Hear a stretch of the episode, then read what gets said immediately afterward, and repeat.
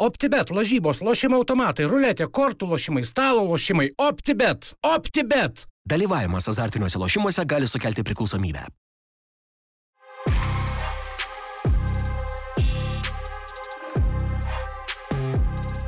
O tai nuo ko norim pradėti? Tai nuo Latvijos. Nuo Latvijos. Nuo Paulius, nuo Baltijos lygos, nuo... Nu šiaip, pasilyginti lygiai, biškai, pasimatuoti, falais.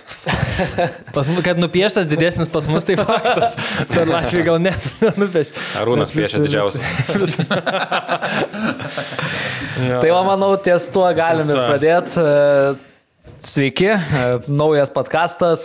Šiandien Arūnas Klimavičius, Tadas Salaveičikas, aš Lukas Gintautas ir mylimiausias Latvijos lietuvis, mylimiausias Lietuvos Latvis, Paulius Jekelis. Sveiki, sveiki, malonu, smagu po kiek čia metų, ar ne? Vėl susitinkam na, šitoje studijoje, tai smagu, ačiū už kvietimą. Šiaip ge- gerą Tadas buvo turiu e, ištraukęs. pirmas klausimas, o kažkokią lietuvių Latvijų bendruomenę turit? Ne, ne, nelabai bendrauja šiaip. Yra Latvijai, bet e, aš ten nesireiškiu labiau savo, savo burbulę futbolo. Bet šiaip labiau latviškam burbulė lietuvių gyvenu. Latvijų gyvena Rygoje. Yra, yra ir Rygos lietuvių gimnazija, tai lietuvių tikrai yra. Teko ypatingai pastaruoju metu susipažinti ten ir, pavyzdžiui, lietuvis vadovauja Prometėjai krepšinio klubui Ukrainos, kuris žaidžia Latvijoje, ja. ten nemažai lietuvių eina į rungtynes, tai tikrai yra žmonių lietuvių, kuriuos pažįstu, bet e, mano aplinka labiau vis tiek yra vietiniai gyventojai, tai yra Latvijai, darbinė aplinka futbolo sporto. Okay. Aš tai sukau link to, kad ką Aš žinau, mūsų tai čia jo. Tai aš dabar turiu klausimą, žiūrėk. Uh, lankys pas mus prieš metus pernai. Mm, kažkur ten, kelių savaičių skirtumų gal. Savaitės iki buvo pirmas skandalas, kai Dzūkų tankas ar ten B tribūnos narys išbėgo, pastumė B1 trenerį. Po savaitės buvo, kad telšių fanai susikėlė su žalgerio fanais. Ne trenerių, ten prie. Prieš žaidėją. Prieš žaidėją, žaidėją. Tada praeina metai, vėl jau tarėmės, kad Paulius atvažiuos. Prieš dvi savaitės, ne, ne prieš dvi savaitės, kada čia susimušė, susimušė tėvai e, per rungtynės. Dabar kelios dienos iki užsiautė futsalo žaidėjas. Ar galima spėti, kad tu pasidėldamas savo įtaką, pinigus sukūri turinį, kad atvažiavęs Lietuvoje, bet tik ką aš nekėti įdomiau. Aš bandau tokį hypą, kad paskui daugiau žmonių įsijungtų, galvoju, paklausysim čia apie skandalėlius, kas čia dedasi. Nes mes jau bijosim kviesti tave, nes prieš atvažiuojant kažkas įvyks būtinai Lietuvoje. Nesakau, taip kaip tik, prisimenu, prieš metus lygiai irgi Jakas buvo šnekėjama apie muštynę, dabar vėl. Tai dar prieš valandą gi išaiškėjo, kad ten su džiugu. Ir dar buvo. vienas irgi, šitą paskutinį Tokios pradžios tikėjausi podcastai. Tai va, tai susijęs ko nors su su lietuviškais skandalais, ar ne? Ne, šį kartą ne, bet e, pasieku, pakomentuoju apie Beną Spėtinį, ką nors parašau. Nepraleidžiu pro akis. Tai nuo, nuo, nuo ko pradėjome? Nuo Latvijos pradedam. Gal nuo Latvijos, jo. Pereisim ar ne prie skandalų paskui, ne, kad žmonės laiko. paklausytų. Iki galo žmonės klausys tada. Nu tai papasakok, Pauliau. Mes čia, ne, nežinau, nuo kada rokelis įdės mūsų podkasto pradžią, bet ką tik kalbėjom, kad reikia pasimatuoti, ar ne, pas ką geresnis, ar pas Latvijos futbolą, ar pas Lietuvos futbolą, tai Tadas gerai sakė, bent jau pas mus geresnis ir didesnis tikrai nupieštas buvo. Tai ar Latvijoje tokių pasitaiko? Tokio piešinio, tokio meninio, meninės instaliacijos neteko matyti aikštėje, bet manau, kad niekas labai nėra nuo to apsaugotas. Vis tiek pas mus gana panašios lygos, bent jau iš infrastruktūros pusės. Nėra taip, kad čia viena šalis yra kaip, kaip Lietuva ar Latvija, kitoje šalyje mes taiga turim stadionus kaip Lenkijoje. Tai, tai manau, kad teoriškai tokį dalyką fanai nupiešti turbūt kažkur ir kitur galėtų, nors šiaip reikia pripažinti, kad Latvijai apsaugos darbuotojai futbolo rungtynėse gano, gerokai griežčiau viską žiūri. Ten, pavyzdžiui, belėmenės tu niekaip negalėsi eiti fotografuoti rungtynę arba prieiti prie aikštės. Ir mane yra net po rungtynių nuvyję, kai buvau pamiršęs užsidėti lemenę. Tai, tai galbūt būtų šiek tiek sudėtingiau, bet jeigu kažkas turėtų tikslą kažką nupiešti per sniegą, tai aš, aš taip manau, kad ten nu, tikrai sudėtinga galbūt kartais yra iki galo viską sužiūrėti.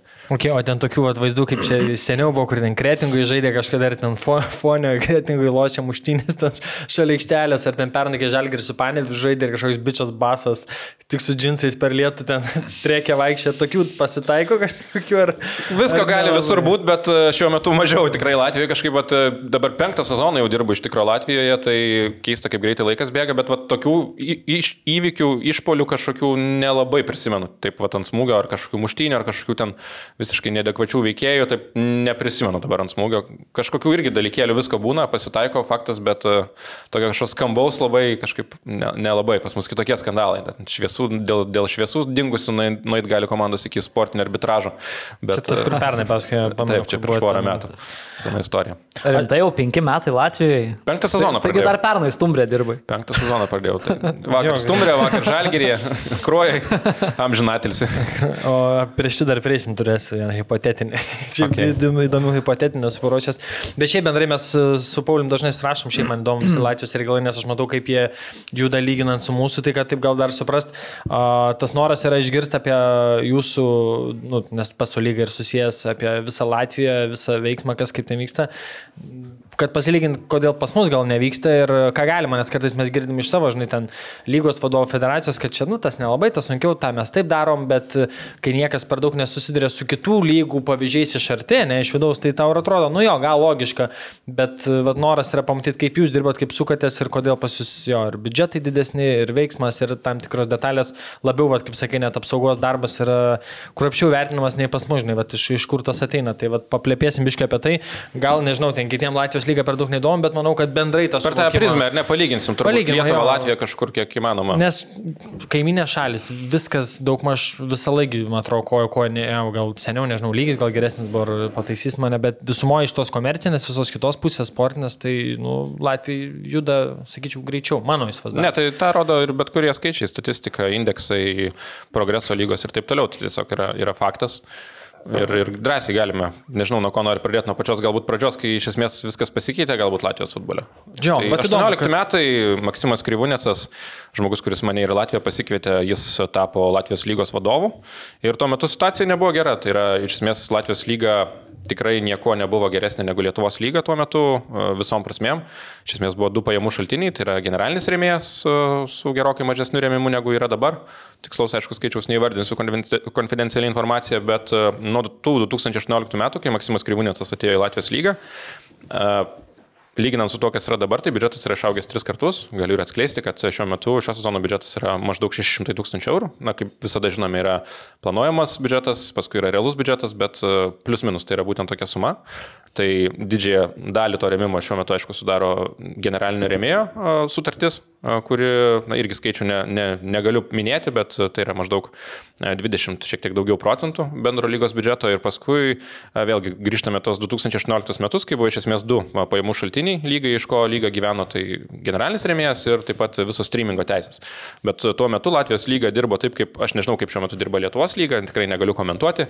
Bet iš esmės viskas buvo po streamingo sutartimi parduodama. Tiesiog visos teisės. Tai yra ir transliacijų teisės, ir ekskluzyvinės teisės. Tai yra, kad tu parduodi vienam agentui arba kontorai ir nebegali parduoti niekam kitam. Po jomis ir fast betting data, tai yra tie žmonės, kurie su telefonais būna stadionuose tam, kad būtų generuojama tiksli informacija, statistika ir taip toliau, tiek visiems bettingo kontorom ir panašiai. Po to tame visame maiše buvo parduodamos visos teisės ir skautingo agentūroms, na, ar tai būtų Vaiskautas ar Instatas ir taip toliau, nes na šiais laikais tie visi, tos visos kompanijos irgi moka pinigus tam, kad jos galėtų turėti lygų medžiagą, vaizdo medžiagą, galėtų visą tai analizuoti ir legaliai pas save turėti, irgi kainuoja pinigus. Ir taip pat aišku, kad po tuo vėlgi ta viena sutartimi iš esmės buvo parduodamos ir visos tarptautinės teisės. Tai ką atėjęs į lygą padarė Maksimas, iš karto suprato, kad na, galima tiesiog uždirbti daugiau, iš esmės iš to, ką lyga tuo metu turi, galima uždirbti daugiau pinigų ir, na, tai vienas dalykas, faktas, kad generalinis rėmėjas ir sutartis su juo bendradarbiavimas, kuris tęsiasi jau daug metų. Tai čia irgi OptiBet, ar ne? Na, taip, kaip tai yra OptiBet virs lyga, panašiai kaip ir Lietuvoje, Lietuvoje vėliau atėjo.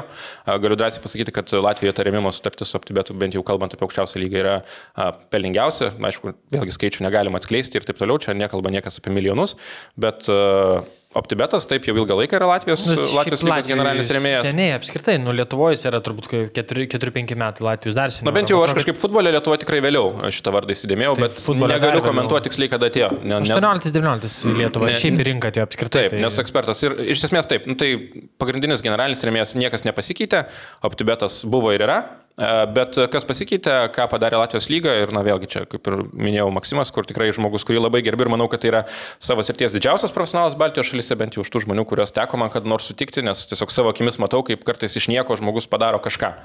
Tai e, jis išskaidė iš esmės į tam tikrus paketus teisės, kurios yra parduodamos. Ir jeigu, kaip pasakiau, viskas anksčiau buvo sudėta į vieną maišą, neturint kontaktų, žmonės nesigilindavo į sutartis ir iš esmės parduodavo tas teisės vos ne pirmam, antram pasiūlysiam kažkokią tai sumą.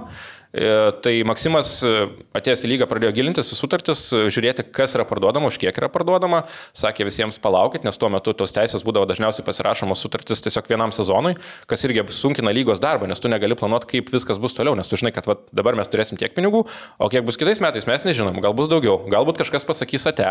Ir e, tai kelia daug tokių problemų ir tu negali žiūrėti toliai į priekį. Ir vėlgi jis pradėjo gilintis tas sutartis ir iš esmės paruošė skirtingus paketus, e, pagal kuriuos dabar ir lyga dirba. Tai yra atskirai parduodamos e, streamingo teisės, mes kalbame apie transliacijas, atskirai parduodamos yra tarptautinės teisės, iš dalies tai yra tas pats streamingas, tik tai mes kalbame apie jau tarptautinę, lyg, tarptautinę rinką, na pavyzdžiui, šiuo metu virs lyga dirba su OneFootball ir Eleven ir jeigu Lietuvos lygoje mes turim problemų, kad žmonės užsienyje, pavyzdžiui, aš Latvijoje legaliai, A lygos pasižiūrėti negaliu. Aš galiu pasižiūrėti per GAU3 platformą, TV6 rungtynės oficialiai, viskas yra ok, bet kitų rungtynių legaliai aš pasižiūrėti negaliu, nes jos nėra transliuojamos, nes suprantu, kad teisės yra parduotos kitaip.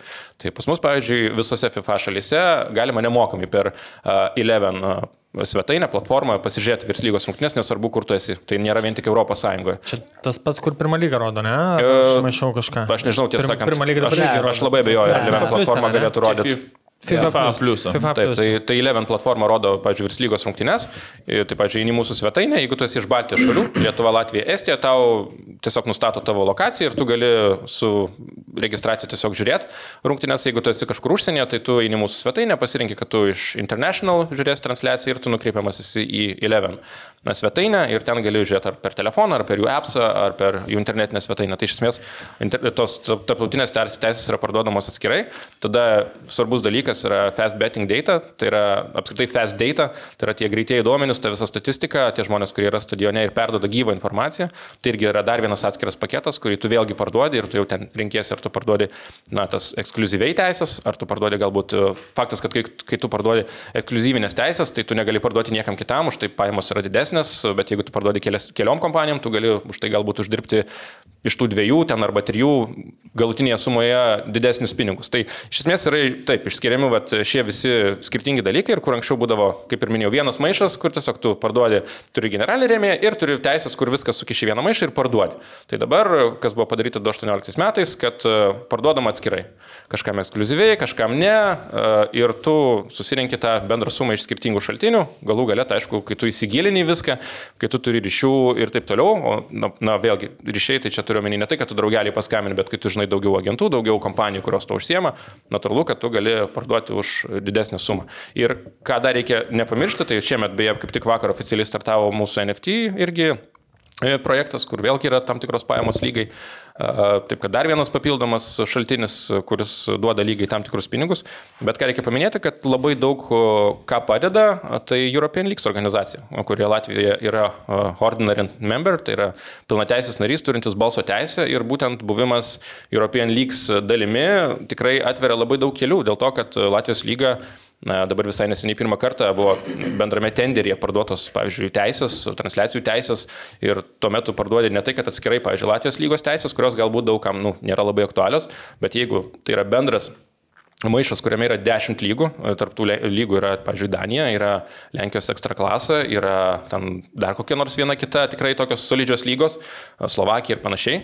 Tai natūralu, kad tu gali gauti centralizuotai parduodamas didesnius pinigus, nes tu eini kartu su jais į tą bendrą komplektą. Na nu, ir tokiu būdu per European Leagues faktas, kad ne tik tai tas transliacijų teisės tu gali parduoti tokiu būdu, bet e, tu gali ir kai kurias kitas teisės, kaip NFT projektas ir panašiai. Tai yra na, dalis iš esmės, tai yra projektai, kurie nebūtų įmanomi be European Leagues. Tu esi dalis European Leagues, tu bendrauji, tu dalyvauji visose posėdžiuose. European Leagues interesas yra, kad lygos auktų. Maksimo, aišku, didelis įdirbis, kad galų gale mes dalyvaujam tose tenderiuose, parduodam teisės už, sakykime, daugiau negu tai buvo kaip anksčiau, kaip ir minėjau, nuo 18 metų biudžetas ten 180-200 tūkstančių eurų, šiemet maždaug 600 tūkstančių eurų, tai yra trigubai išaugęs biudžetas. Norėtųsi, kad jis būtų ten toks Pertrauka, didelis kaip kiek LKL ar Kiek panašiai, nuo bet pernai augo biudžetas? E, Negaliu dabar tiksliai atsakyti, bet dar ką galbūt taip baigiant šitą ilgą monologą, bet kad tiesiog žmonės suprastų Ne, okay, maždaug okay. kaip, kaip tai veikia. Tai dar vienas dalykas, ką ir buvau paminėjęs, ar ne, kad anksčiau teisės būdavo dažniausiai tiesiog metų sutartis ir tu nežinai, kas bus toliau. Tai dabar iš esmės visos tos teisės yra pasirašomos ilgam laikotarpiu. 3 metai, 4 metai, 5 augančios sutartys ir taip toliau. Tai biudžetas auga, jis bus didesnis negu pernai, bet koks tiksliai prieaugis nuo praėjusių metų, tiesą sakant, negaliu pasakyti, nes tiesiog nežinau. Aš čia labiau, nu, linko linkiu link varo, žinai, nes kaštai turbūt... Nu, Dėl varo kita tema, galiu iš karto pasakyti. Irgi pardavėt kažkam jau. Ne, varas yra federacijos projektas. Tai yra federacija jo norėjo, federacija už jį mokė ir tai yra visiškai federacijos pinigai, tai, yra, tai nesikerta su, su lyga. Tai yra visiškai atskiras dalykas. Pavyzdžiui, man apskritai didelis yra klausimas. Aš e, manau, kad varas yra geras dalykas, bet žinant, kiek, pavyzdžiui, problemų yra Baltijos šalyse apskritai futbole, ar ne, kur galima investuoti pinigus, tai turint omenyje kaštus, kiek kainuoja varas, ir ką galima už tos pinigus būtų padaryti, tai aš manau, kad varas galbūt nebūtų pats pagrindinis lygos prioritetas, pavyzdžiui, Latvijos lygos šiuo atveju. Bet kaip ir minėjau, kadangi tai yra svarbu federacijai, nes vis tik ir tarptautinės rungtynės, kaip matome, aukščiausio lygio visas vyksta su varu ir viskas labiau artėja prie to, kad varas visur yra, teisėjams viso to reikia, tai šiuo atveju būtent Latvijos futbolo federacija norėjo varo, e, padarė didelį įdirbį ir šiemet nuo pirmo turo Latvijos lygoje pirmo rato metu yra varas kiekvienose vienos, vien, vieneriose turo rungtynėse, nuo antro rato planuojama, kad bus dviejose, bet vėlgi ten reikės žiūrėti, kaip sutilpti į kaštus, nes tai tikrai yra nemaži kaštai, bet kaip ir minėjau, tai, ne, tai ne, nesudaro jokios dalies biudžeto būtent lygos, nes tai yra federacijos pinigai, tai yra federacijos projektas. Ir mes prie to, e, mes žiūrime į tai, kad federacija taip nori varo, tai yra puiku, bet mes prie to irgi prisidedame ir mes, skait, manau, kad esame manome, kad esame tam tikri varo partneriai, nes tam, kad varas būtų, jie naudoja vėlgi tą produktą, kurį kūrė lyga. Pas mus visos rungtynės rodomos keturiomis kameromis, e, tos kameros taip pat naudojamos. Iš esmės varas ką daro, tai stato du, du papildomus bokštus ten, kur nėra infrastruktūros ir tai yra dvi papildomos kameros ant 16 metrų, bet jie taip pat naudoja tai, ką darome mes, mūsų įdirbį. Tai nėra taip, kad mes prie to varo visiškai neprisidedame. Okay, o pasiteisino dabar per tą pirm, per, per kiek jau yra sužaista turų? Buvo situacijų? Buvo atšauktų įvarčių. Jo, ar atšauktų, ar... ar Vakar va, kaip tik RFS žaidė su Liepojos komanda ir antros rungtynės, RFS rungtynės, kuriuose buvo varas ir antros rungtynėse varžovai gavo raudoną kortelę po varo peržiūros. Tai yra su Ryga buvo labai grubi pražanga, kur teisės net nesuprantu, kaip nepamatė, ten galėjo tiesiog koją sulaužyti ir išvežti tiesiai į ligoninę žaidėją, teisės nepamatė, nuėjo prie varo, iškart suprato, kad na, ten neįmanoma nerodyti raudonos kortelės. Ir vakar lygiai taip pat irgi liepojo žaidėjai kažkoks proto užtimimas e, lygioje vietoje. Pilnatis. Aikštės viduryje iš galo ten nu, tiesiog, na, tai baisiai užlipo ant kojos, kad aišku, po, po peržiūros irgi buvo varas. Tai šiaip kol kas startas geras, varo ta prasme, kad... RFS geras. Uh, raudonas. ne, ap, apskritai, objektyviai vertinant, praktiškai visose rungtynėse, kur varas buvo, kažkokias tokias gana kažkokią naudą gavote. Taip, tai, bet, bet aš puikiai ne? suprantu, kad uh, ilgame sezone bus tikrai ir situacijų, kur bus, na, varas galbūt išauks kažkokį skandalą ir panašiai. Mes matome La lygas, Premier lygas, ar ne?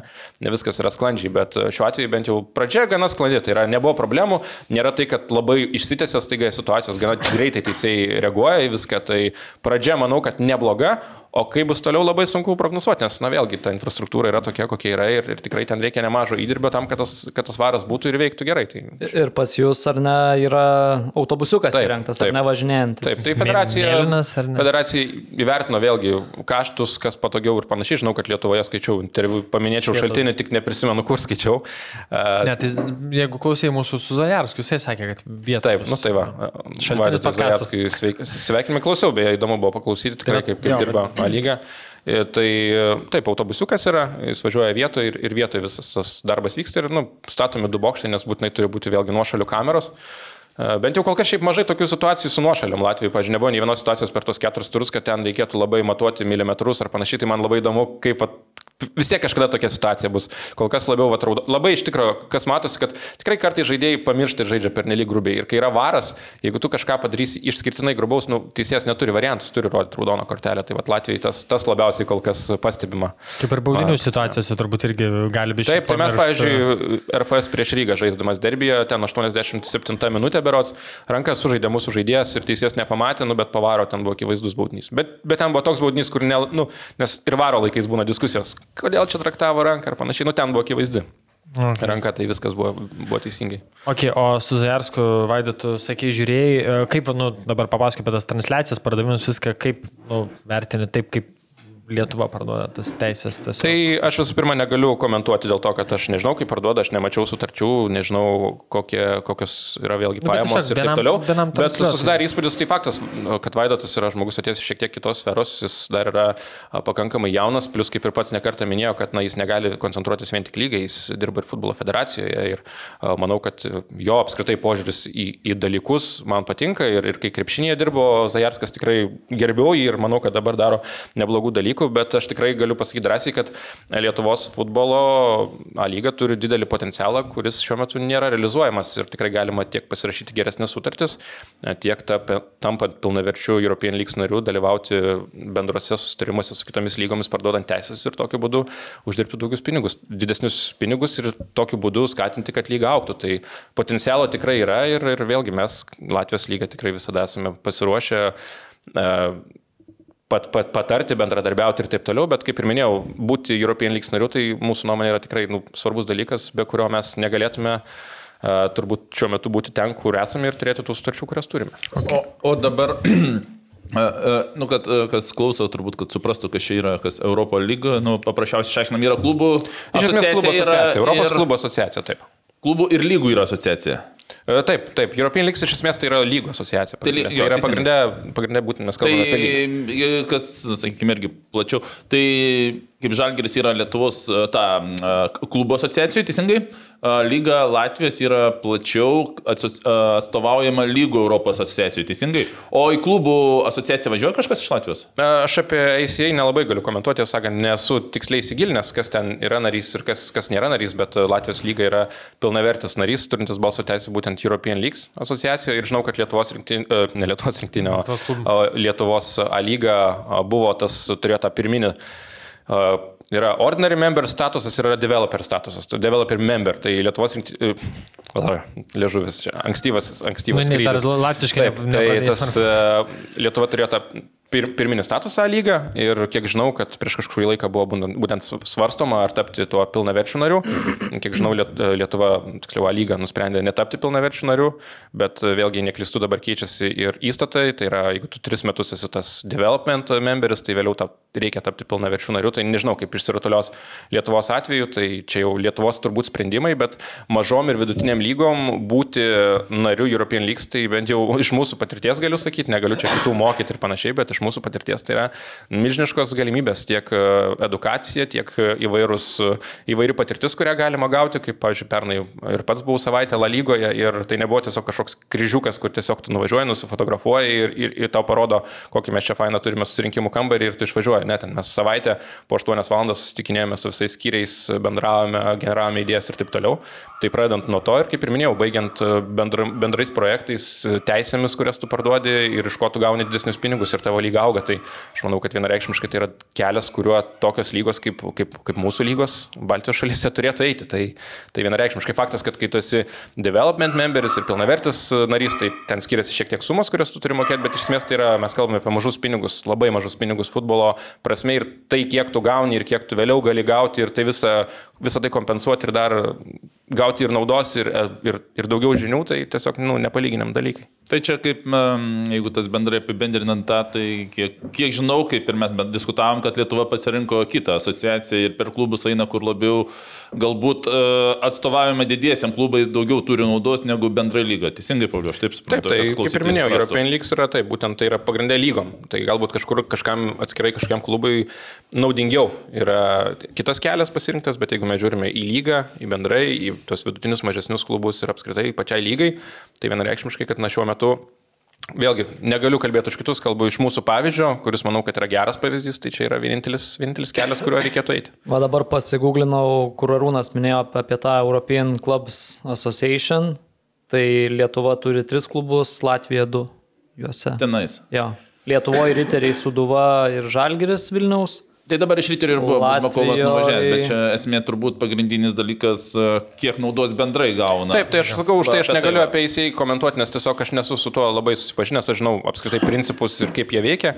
Ir iš esmės tai, tai, tai yra organizacijos, kurios kažkuria prasme ir, ir yra konkuruojančios, tai čia kiekvienas renkasi Jo. savo kelią ir panašiai. Bet iš esmės vienur mes kalbame apie lygas, ypatingai tai, kas yra naudinga tokiam mažesniem lygom, nes jos tikrai gali gauti daug naudingų dalykų, na, ACA kelias yra kitoks, ten yra klubai tokie kaip pasažai ir panašiai. Tai nes, Jo, tai Liepaja ir Jūrmalos Spartaks. Spartako jau net nėra, tai aš manau, kad čia yra informacija pasenusi, aš dėl Liepojos irgi dar turiu nes, klausimų. nes bendrai esmė Nu, yra, tai yra dvi, 23 metų čia. dvi konkuruojančios e, asociacijos, kurios sako, kas, kas yra tose šalyse, kas valdo futbolą. Ar klubai valdo iš dalies, ar, ar lyga valdo futbolą. Tai Lietuvos atveju pasirinko kai kurie didesni klubai, kad mes atstovausim per tą.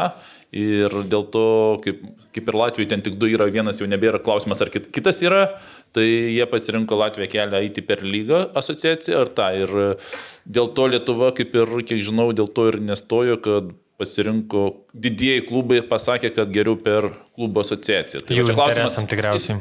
Nu, mes su klubų. greičiau mažiau, kad mažesni klubai mažiau įtakoja. Na, sakau, pačiai lygai, tai tikrai, bent jau mes, sakau, galim pasakyti iš savo pusės, kiek, kiek daug naudos tiesiog gaunam realios. Aš negaliu sakyti, kad ta organizacija yra gera arba ta organizacija bloga, tai aš to tiesiog nesakau. Ir faktas, kad paskui, jeigu žiūrėsime į UEFA, visus komitetus ir panašiai, tai ten ir viena organizacija, ir kita yra atstovaujama ir panašiai. Nes aš manau, kad klubo asociacija apskritai tai greičiau yra, nu, bent jau man sakyčiau, yra labiau žinoma, nes ten tokie klubai yra kaip PSG, PSG prezidentas yra tos uh, klubo asociacijos prezidentas, tai apie ją galbūt yra daugiau, bet klausimas va čia yra šalis ir ta lyga mažesnė, sakykime, mes negalim lyginti su PSG ir Prancūzija, kuri gauna daugiau naudos. Tai čia va, tame esmė yra. Nu, taip, ir pasižiūri, kokie klubai yra eisiai ir tada supranti superlygas ir taip toliau. Tai čia vėlgi skirtingi, Jie savo skirtingi keliai, tai ką tu sakė, kiekvienas turi savo interesus ir, ir tu, tu renkėsi, kas, kas tau kaip lygai, kas aš galiu kalbėti lygos vardu, kiti turbūt gali kalbėti klubų vardu, kas kur kam yra geriau. Ir normalu, kad čia demokratija ir kiekvienas renkasi savo kelią. Tai štai jokių būdų nieko nemokau, tik tai galiu pasidalinti mūsų patirtim, kas, Čia šiuo atveju mums duoda naudos. Nes tu- reikia nepamiršti, kad, e, atsiprašau, kad pertraukiu, Maksimas, e, tai yra Latvijos lygos vadovas, jis yra ir e, būtent European Leagues valdybos narys. E, Tai šiaip įdomu, nes kai e, vėlgi e, prasidėjo karas, Rusija neteko savo vietos, buvo rinkimai ir Maksimas dalyvavo rinkimuose tapti valdybos nariu ir prieš jį buvo žmogus iš Niderlandų, ten vadovavęs ir lygai, ir klubams daugybę metų ir Maksimas ten rekordinį tiesiog balsų persvarą laimėjo tuos rinkimus. Tai natūralu, kad e, vėlgi jis yra dar valdybos narys, tai, tai apskritai mes su ta organizacija tikrai daug bendrų įvairių projektų e, ir, ir smagu, kad jie veikia. Tai mums, mums, mums tas kelias veikia. Bet... Jo, bet aš manau, kad čia labai depends, kai- kas užsiema su lyga ir koks yra, žinai, vystimas. Ar tai yra vystimas lygos, ką daro Latvija, tai yra bendrai sukurti. Ten tai lyga, žinai, šiuo atveju aš kalbu už lygą, tai lyga ir rūpinasi, ar, kad ar lyga. yra tiesiog lyga tam, kad yra keturios vietos Europoje, žinai, bet kas man labiau Lie- Lietuvos principė šviečias, kad viso, Aš- aš visos tiesiog žiūriu Na, aš Lietuvos- sakyčiau, gal, irgi atsiprašau, kad pertraukiau, bet aš manyčiau, kad tai sprendžia, kas daugiau įtakos turi toje šalyje, ar, ar pavyzdžiui, klu, ar, ar lygos direktorius, ar vieno klubo direktorius prezidentas, kas vadovauja bendrai, kas garsiau kalba ir galbūt, kaip čia pavadinti, savo daugiau interesų sugeba prastumti link tos... Nu, jo, tas čia ir krypsta. viena, ką tu sakai, taip, interesai buvo, bet jeigu nu, klubai matytų, kad, vat, tarkim, vat, nuo Maksimo atveju ne, yra paimta į rankas, viskas valdoma, biudžetai auga, nuo to automatiškai ir komandom gerės situacija. Čia nėra, kad lyga auga, o klubai tokie maždaug... Tai- tai apie tai yra kalba. geriau. Tai tada tu ir gal svarstai, nu jo, žmogus daro, dirba, vysto, tai ką mums čia būtų mm, klubų šitoje asociacijoje, jeigu būnant lygų mes dar galim dar papildomų pinigų gauti. Ir taip tu bijo, nes per daug nieko nedarant. Jeigu lyga padaro visą darbą už tave, klubai tik, nu, turbūt turi tam tikrus Nu, tai, tai klubai, mitus. žinai, tu esi klubas ir tu nori tiesiog, kad tavo lyga būtų kuo labiau competitive, kuo, kuo labiau, kuo aukštesnis lygis ir taip toliau. Tai, pavyzdžiui, Latvijos lygoje dabar tiesiog klubai, kurie anksčiau tikrai ne visi palaikydavo Maksimą, dabar jie mato, kad su kiekvienais metais biudžetas didėja, gerėja sąlygos klubams. Pavyzdžiui, mažieji klubai Latvijoje apskritai visą laiką buvo ta sėkmybė. Mes visą laiką diskutuojam Baltijos šalyse, kaip padaryti, kad mažesni klubai norėtų ateiti į aukščiausią lygą. Pavyzdžiui, Latvijos lygoje dabar yra situacija, kai tie maži klubai nori žaisti aukščiausią lygą. O kodėl jie nori žaisti aukščiausią lygą? Dėl to, kad dabar stipriai yra išaugęs solidarity mokestis. Latvijos lygoje turiu čia užsirašęs praėjusiais metais, pavyzdžiui, Trumpai dar pertrauksiu, o pas jūs ir relegaitinos dvi komandos, taip. kas tokia? E, Nu, pas mus taip, taip nutiko, kad uh, Supernova, kuri turėjo iškristi galų galę liko, nes gavo licenciją, o Spartako tiesiog neliko uh, šios komandos, bet jie atgavo atėjo iš aukščiausios lygos. Okay. Tai galima sakyti, kad realiai gavosi taip, kad Spartakas na, tiesiog uh, dingo iš, iš futbolo žemėlapio, o Jelgava užėmė pirmą vietą pirmojo lygoje ir pateko aukščiausią lygą. Bet, pavyzdžiui, vat, kodėl dabar mes džiaugiamės Latvijos lygoje, kad tie mažesni klubai pagaliau nori ateiti, nes anksčiau irgi būdavo situacija, kad baigė sezonas, nenori niekas eiti. Dėl to, kad dabar tu gauni. Latvijoje yra tokia sistema, kad tu moki už legionierius nemažus pinigus. Šiuo metu pirmie 8 legionieriai kainuoja jų registracija 3000 eurų, nuo 8 legionieriaus iki 15 kainuoja 8000 eurų. Jeigu tu vėliau išregistruoji registruoji vieną legionierių ir registruoji naują, tai nesiskaičiuoja kaip jisai tau pirmas, o skaičiuojasi kaip 16 ir tu moki vėl 8000 eurų. Tai nesunku paskaičiuoti, kad pirmas penkios komandos, jeigu ten registruoja 15 legionierių, o dauguma iš šių sezono, jeigu jie tiek ir registruoja arba dar daugiau, tai, tai sumoka arti 100 tūkstančių eurų. Tai, pavyzdžiui, praėjusiame sezone legionierių fondas sudarė sumą apie 600 tūkstančių eurų ir tie pinigai visi 100 procentų pinigų yra išdalinami toms komandoms, kurios proporcionaliai daugiausiai minučių skiria žaidėjams, vietiniams žaidėjams iki 21 metų amžiaus amžiaus. Tai, pavyzdžiui, tokios komandos kaip Meta, Supernova, Daugpilis, tai yra komandos, kurios turi mažus biudžetus, bet jos realiai e, vien iš legionierių fondo jos gauna virš 100 tūkstančių eurų. Kai kurios komandos gauna, daugiausiai komanda gavosi buvo beveik 200 tūkstančių eurų. Tai tu gauni pinigus už legionierius, tai yra tu gali remti savo akademijos auklėtiniais ir tu jau gauni didelę finansinę paskatą iš legionierių e,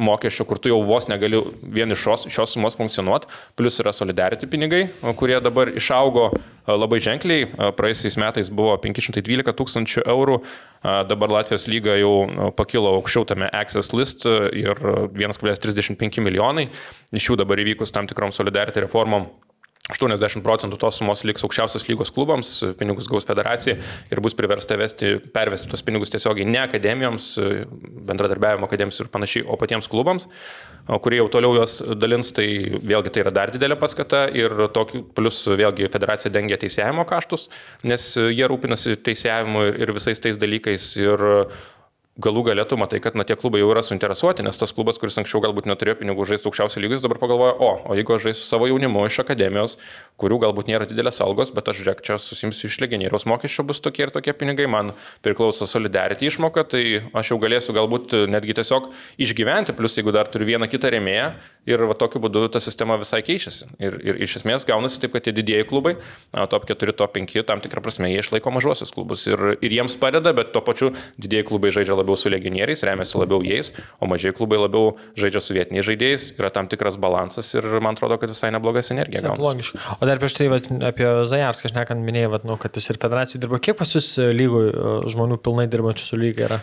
Tai va dar Koks turbūt reikia paminėti tai, kad esminis skirtumas, ar ne, kad Latvijoje virs lyga arba futbolo lyga tai yra absoliučiai atskiras juridinis vienetas, kuris turi bendradarbiavimo sutartį su federacija. Dabar pratęsiam dar ilgiems metams tą sutartį, kai Maksimas atėjo ten labai buvo trumpos sutartys, iš esmės metams e, pasirašomos ir tokiu atveju tu vėlgi negali planuoti ateities, bet jis savo darbais įrodė, kad ta lyga auga, klubai palaiko, nes mato, kad progresas yra didelis, dabar yra sutartis nauja pasirašyta, jei neklystu, iki 27 metų ir tas, ta finansinė injekcija, kurią į lygos biudžetą sudaro federacija, tai yra maždaug tik tai 3-4 procentai. Visi kiti pinigai yra tie pinigai, kuriuos savo darbu susirenka lyga iš remėjų, iš parduotų visų teisų.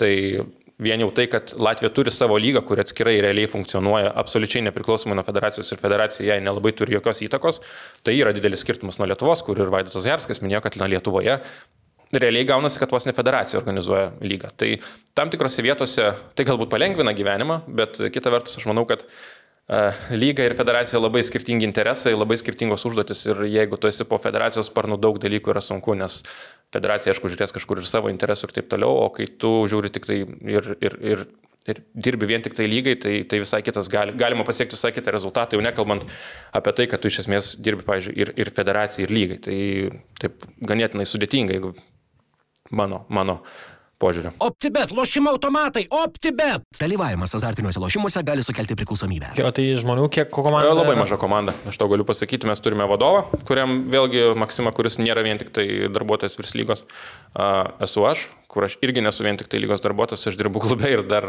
dirbu komentatoriumi, tai trys darbai iš esmės. Tai mes turime Aišku, tai realiai vieną žmogą, žmogų, kuris, kaip čia, latiškai įspil direktorius, nežinau, ar techninis direktorius, ar, nu, žodžiu, vienas pagrindinių žmonių, Ainaras, tai jis yra žmogus, kuris dirba pilnu etatu, būna ofise, tikrai labai faina ofise, tokį jaukų įsirengėm, jeigu kada bus įtrigo, tai, tai mielai kviečiu užsukti. Tai realiai galima sakyti, kad yra vienas žmogus, kuris gyvenime tik tai tai ir daro, tai yra dirba su lyga, paskui esu aš, kolega Karlis ir Maksimas, kurie mes turime ir dar be lygos kažkokius dalykus gyvenime.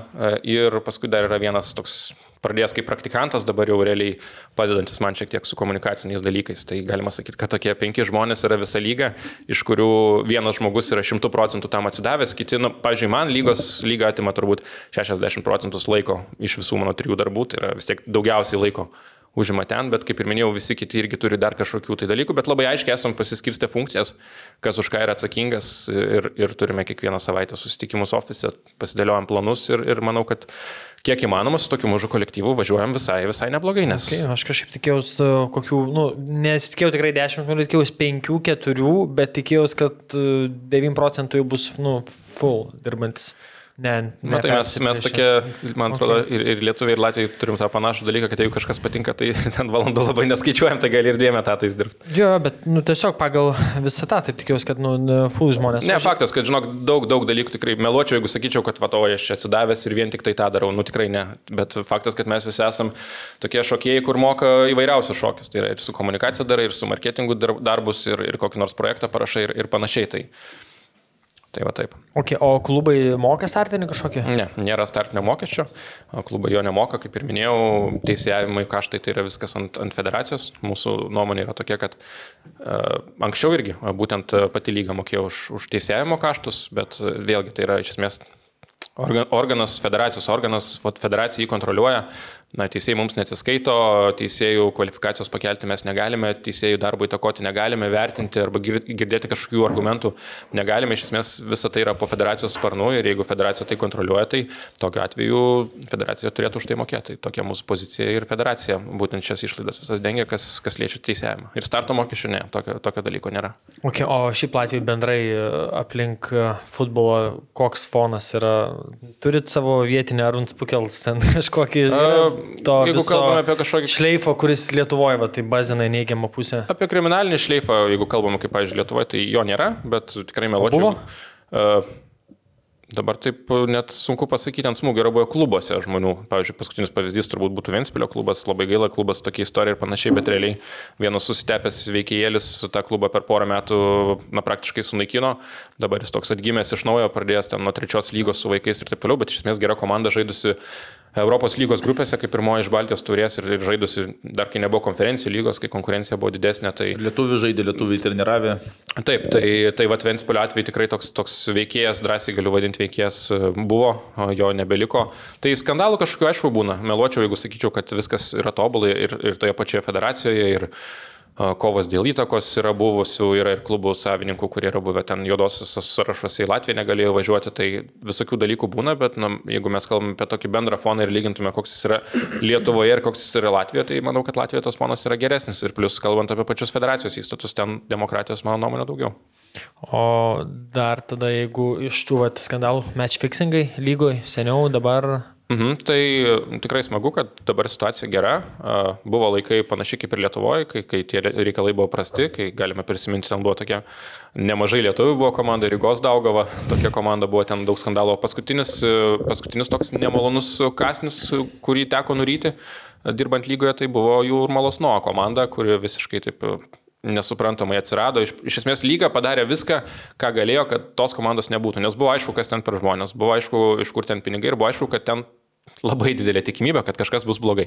Bet tu vien ant savo įtarimų pagrindų, tu negali komandai paimti ir kaip lyga sakyti, jūs nežais. Bet nu, iš pačių ir, ir, ir, ir, ir Latvijos, ir, ir net ne Latvijos lygo federacija iš esmės padarė viską, ką galėjo, kad ta komanda nežaistų Latvijos čempionate. Bet, bet jie nuėjo į arbitražą Ir arbitražas priėmė tokį sprendimą, kuris, tas sprendimas skambėjo taip, ten nebuvo pasakyta, kad federacija suklydo ir jie turi žaisti. Ten buvo pasakyta taip, juos privaloma gražinti į čempionatą, tol, kol nebus išnagrinėta byla ir nebus pateiktas galutinis atsakymas. Ir gavosi absoliučiai unikali situacija, nu, gera patirtis darbinė man, kad staiga pradeda vienoks komandų skaičius ir staiga ten sužaidus kažkiek tai turų, aš jau dabar gerai nepamenu, ar penkis ar šešis turus sužaidus, staiga atsiranda komanda, kuris taika, o sveiki atvykę, mes dalyvausim. Ir visi žino, kas čia per komandą, kas ten per žmonės, ko jie darys. Ir visi jie žino, kad turi limituotą Komandos, laiką. komandos treneris, beje, čia labai įdomi istorija. Prisimenat, aš pats dar Lietuvos futbole dirbau, kai buvo ta legendinė palanga, kuri ten, nu, neslėpkime, uh, tikrai, tikrai ne futbolą turbūt žaidė.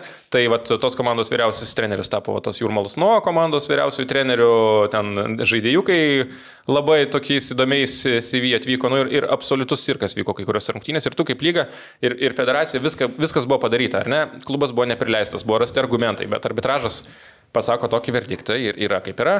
Nu, paskui jie taip aiškiai cirkinosi, kad ten labai Iš dalies blogai, kad jie cirkinosi, iš dalies gerai, kad jie cirkinosi taip atvirai, ten nu, iš serijos vartininkas išbėga, nepataiko į kamolį, du kartus per rungtynės įmuša įvartį. Kažkur tai girdėta. E, Bet e, labai greitai jų tas comebackas truko maždaug mėnesį ir jie po to mėnesį jau ten buvo pakankamai įrodymų surasta, kad yra nešvarūs dalykai, jų vėlgi nebeliko. Tai aišku, mums kaip lygai yra reprezentacinė, visa prasme, aišku, kad tai buvo bloga situacija. Nu, bet ką tu gali daryti, jeigu tavo Jeigu tražas pasako ir viskas. Tai, tai galų galiai jų neliko, bet baigiant istoriją apie tą palangos trenerių Gorlovą, tai dabar treniruoja Rusijos Premier lygos komanda.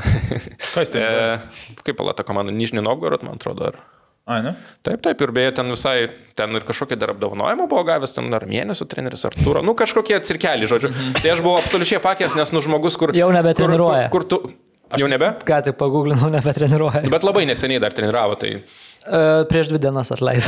Nu tai va, bet sakau, mane absoliučiai šokiruoja, nu, nes tada tu pagalvoji, nu, o kaip taip gali būti, nu žmogus, kur susitepęs vienam kom komandai, kitoj ir, ir visose spaudos konferencijose sėdėdavo tik tai ir, nu, aš čia negaliu žaidėjus atsakyti, čia, nu jo, čia gal blogai sužaidė, žiūrėsim, analizuosim. Tai Ir vėl tuos pačius statų į pagrindą. Taip, ir tie patys į, į pagrindą atvažiuoja žaidėjai, nu, ten panašiai kaip Jonavoje atvažiuoja iš neaišku kur, neaišku ką. Tai, tai buvo tokios patirties, bet, nu, čia tokia išimtis iš taisyklės. Šiaip, Bet suprantu, e, paskutiniu metu nelabai, ne? Šiaip, jeigu žiūrint ir analizės Baltijos šalių va, čempionato, tai, pavyzdžiui, tas competitive level, būtent ir, ir skaičius death, nu, tiesiog mirusių rungtynių, tas angliškas terminas death matches, tai uh, Latvijoje, nu, mažiausias pastaruoju metu, tai parodo, kad daugiausiai konkurencingų ir įdomių rungtynių. Tai čia faktai, o ne, o ne tiesiog mano kažkokie išgalvojimai. Tai visko būna ir tikrai Latvija irgi nėra kažkokia, nu, sakau, mes esame ta pati dirba iš esmės. Tik Latvijoje šiuo metu yra daugiau turtingų savininkų, kurie turi klubus kurie gali ten investuoti didelius pinigus, nu, net negali sakyti, kad tai yra investicija, tai yra iš esmės tam tikras žmonių hobis, tų pinigų jie niekada net gaus, bent jau jeigu mes kalbame apie tos didžiausius Latvijos klubus, jie investuoja infrastruktūrą, smagu dėl to, bet, e, žinai, čia ir modelis visai kitoks, Lietuvoje savivaldybės remia klubus, duoda pinigus, Latvijoje niekas jokių pinigų neduoda, tau nei vieno cento. Tu pastatai bazę už 12 milijonų ir tu džiaugiesi, jeigu meras ras 5 minutės e, savo darbo atvarkį, atvažiuos ir pasakys, o jau šaunuoliai čia kažką pastatė. Atidarymą. O vat apie klubus kalbant, biudžetai nuo iki. e, Koks yra minimalus reikalavimas Latvijos lygoj? Mm, man atrodo, nėra reikalavimo minimaliam biudžetui.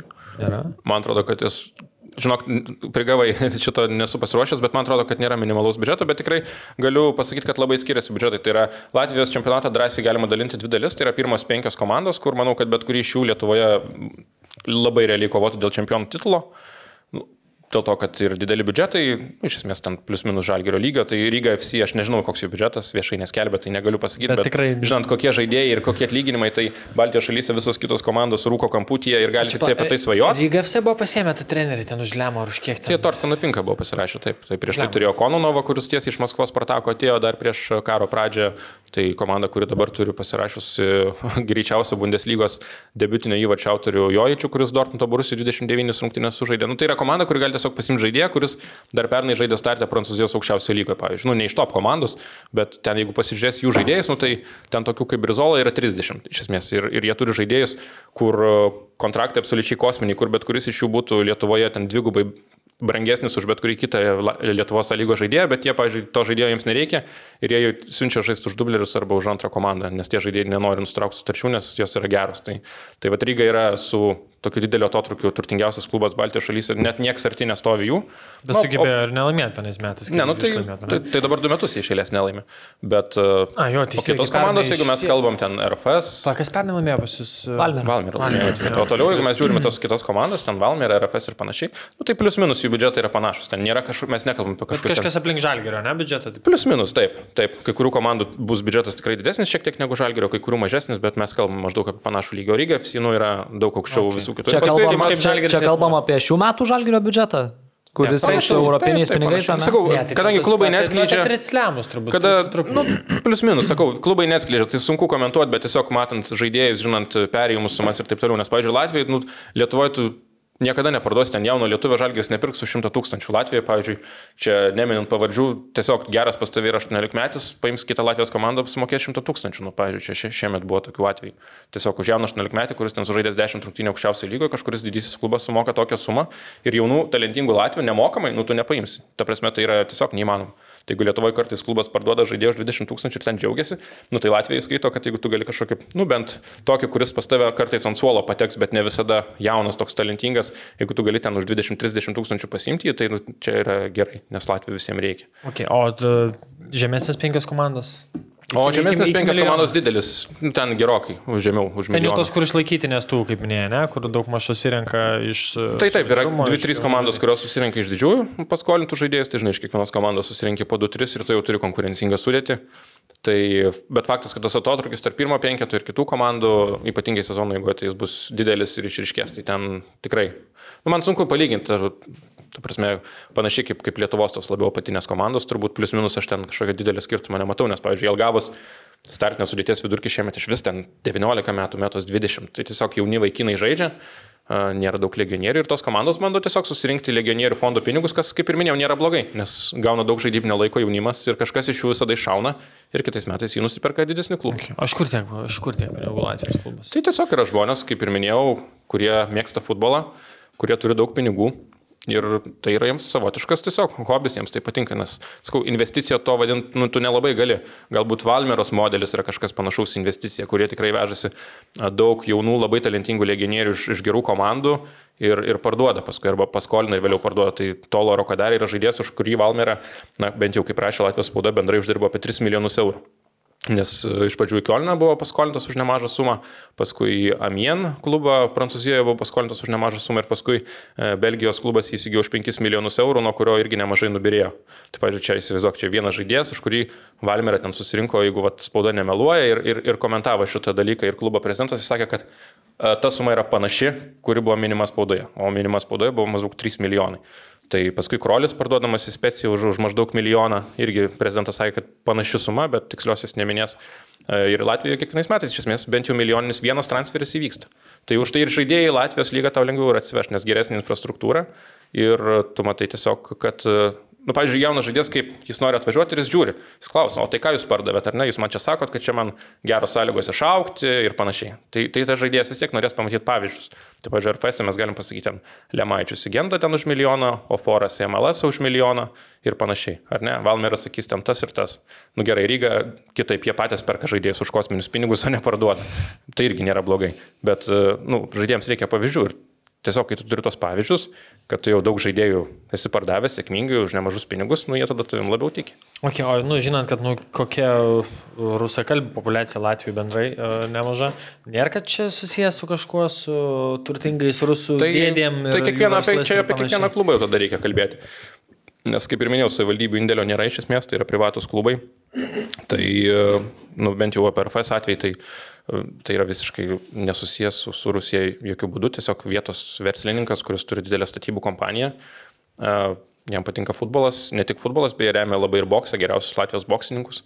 Tai tiesiog tai yra dalykas, kuris jam patinka, jam ir, ir jo partneriams.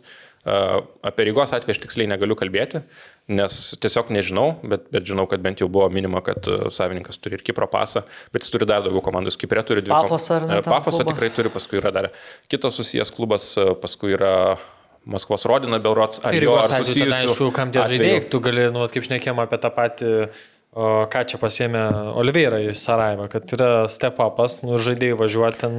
Tai ten, ten buvo atvejai tokie, kad praeitais metais vos Sintetieno tas pats žmogus nenusipirko. Vėlgi, jo pavyzdžiui, bet jis, aš, aš sakau, negaliu komentuoti, nes nežinau, kokių valstybių būtent pasus jis turi, bet faktas, kad yra kažkokios turbūt sąsajos ir su Rusija, bent jau anksčiau tai tikrai buvo, bet e, jo pinigai yra Londono biržoje, kaip ir minėjau, turi Kipro klubą, e, turi ES pasą ir taip toliau. Tai, o, o toliau įlysti ir pasigilinti, aš nežinau, tai aš jokių būdų nenoriu čia skambėti ir sakyti, kad e, nėra apskritai jokių sąsajų, viskas yra ten fantastiškai, visur švaru ir taip toliau, ir, ir be jokių kažkokių tai rusiškų uodegų, bet nu bent jau apie visus kitus klubus, tai, tai galima drąsiai sakyti, kad nu, tai, tai nėra rusiškas joks kapitalas. O dėl Rygos aš irgi, nu, klyščiau, jeigu sakyčiau, kad tai yra rusiškas kapitalas, ten jau reikėtų gilintis turbūt ir panašiai, aš to nei padaryti galiu, nei, nei niekaip kitaip patikrinti. Okay. Okay. Tai kaip bendras vaivas Latvijoje su futbolu? Visiems pats numeris vienas ledo rytulys. Uh, Ne, kodėl ledo ritulys? Ledo ritulys, taip, Latvijoje populiariausias sportas yra krepšinis, jeigu žiūrėsime Eita. pagal rinktinę.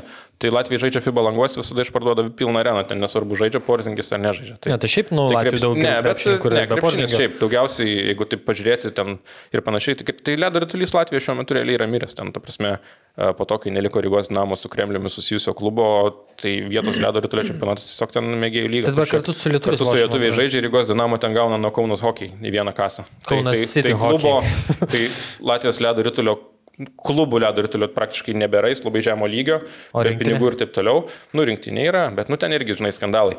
Treneris žmogus, kuris neseniai su tojo Georgijaus Jostelė sėdėjo ten prieš porą metų treniruodamas Rusijos komandą, paskui žaidėjas, kuris po karo pasirašė su Spartako sutartį, paskui kilus skandalai tą sutartį nusitraukė, bet dabar pakviestas rinktinė pasaulio čempionatai, tai, tai galima čia daug kalbėti, bet e, Virslyga okay. yra stipriausia vietinė lyga sporto.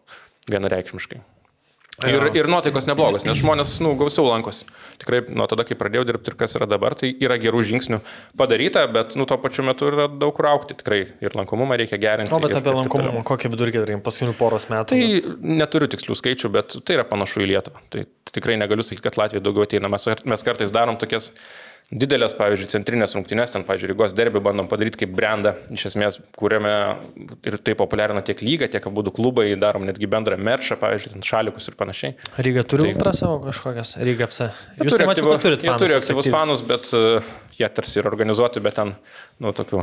Žodžiu, ultras ne, nepridėtum, ne? Ne, Latvija nėra apskritai nei vienų ultrų, šiuo metu kažkas arčiausiai tokio kokybiško palaikymo, tai manau, RFS fanai, jeigu mes kalbame apie Latvijos čempionatą, o, o kitos komandos irgi turi aktyvus fanus, bet ten ultram, tai tikrai manau, kad būtų čia žaidimas ultram kažką pavadinti Latvijai ultram. Bet RFS fanai neblogai išaugė šiaip. Taip, ir, ir kiti, kiti klubai jaučia, nes nu jau Europai pakeliavo, dabar daugiau renkas, pavyzdžiui, vakar fanai irgi, dabar nauja tribūna pastatyta mūsų bazėje, tai Fainai matyti, kad akademijos aukliniai susirenka šalia atsisėda ir irgi pradeda jau dainuoti, žinai, linguoti taktą.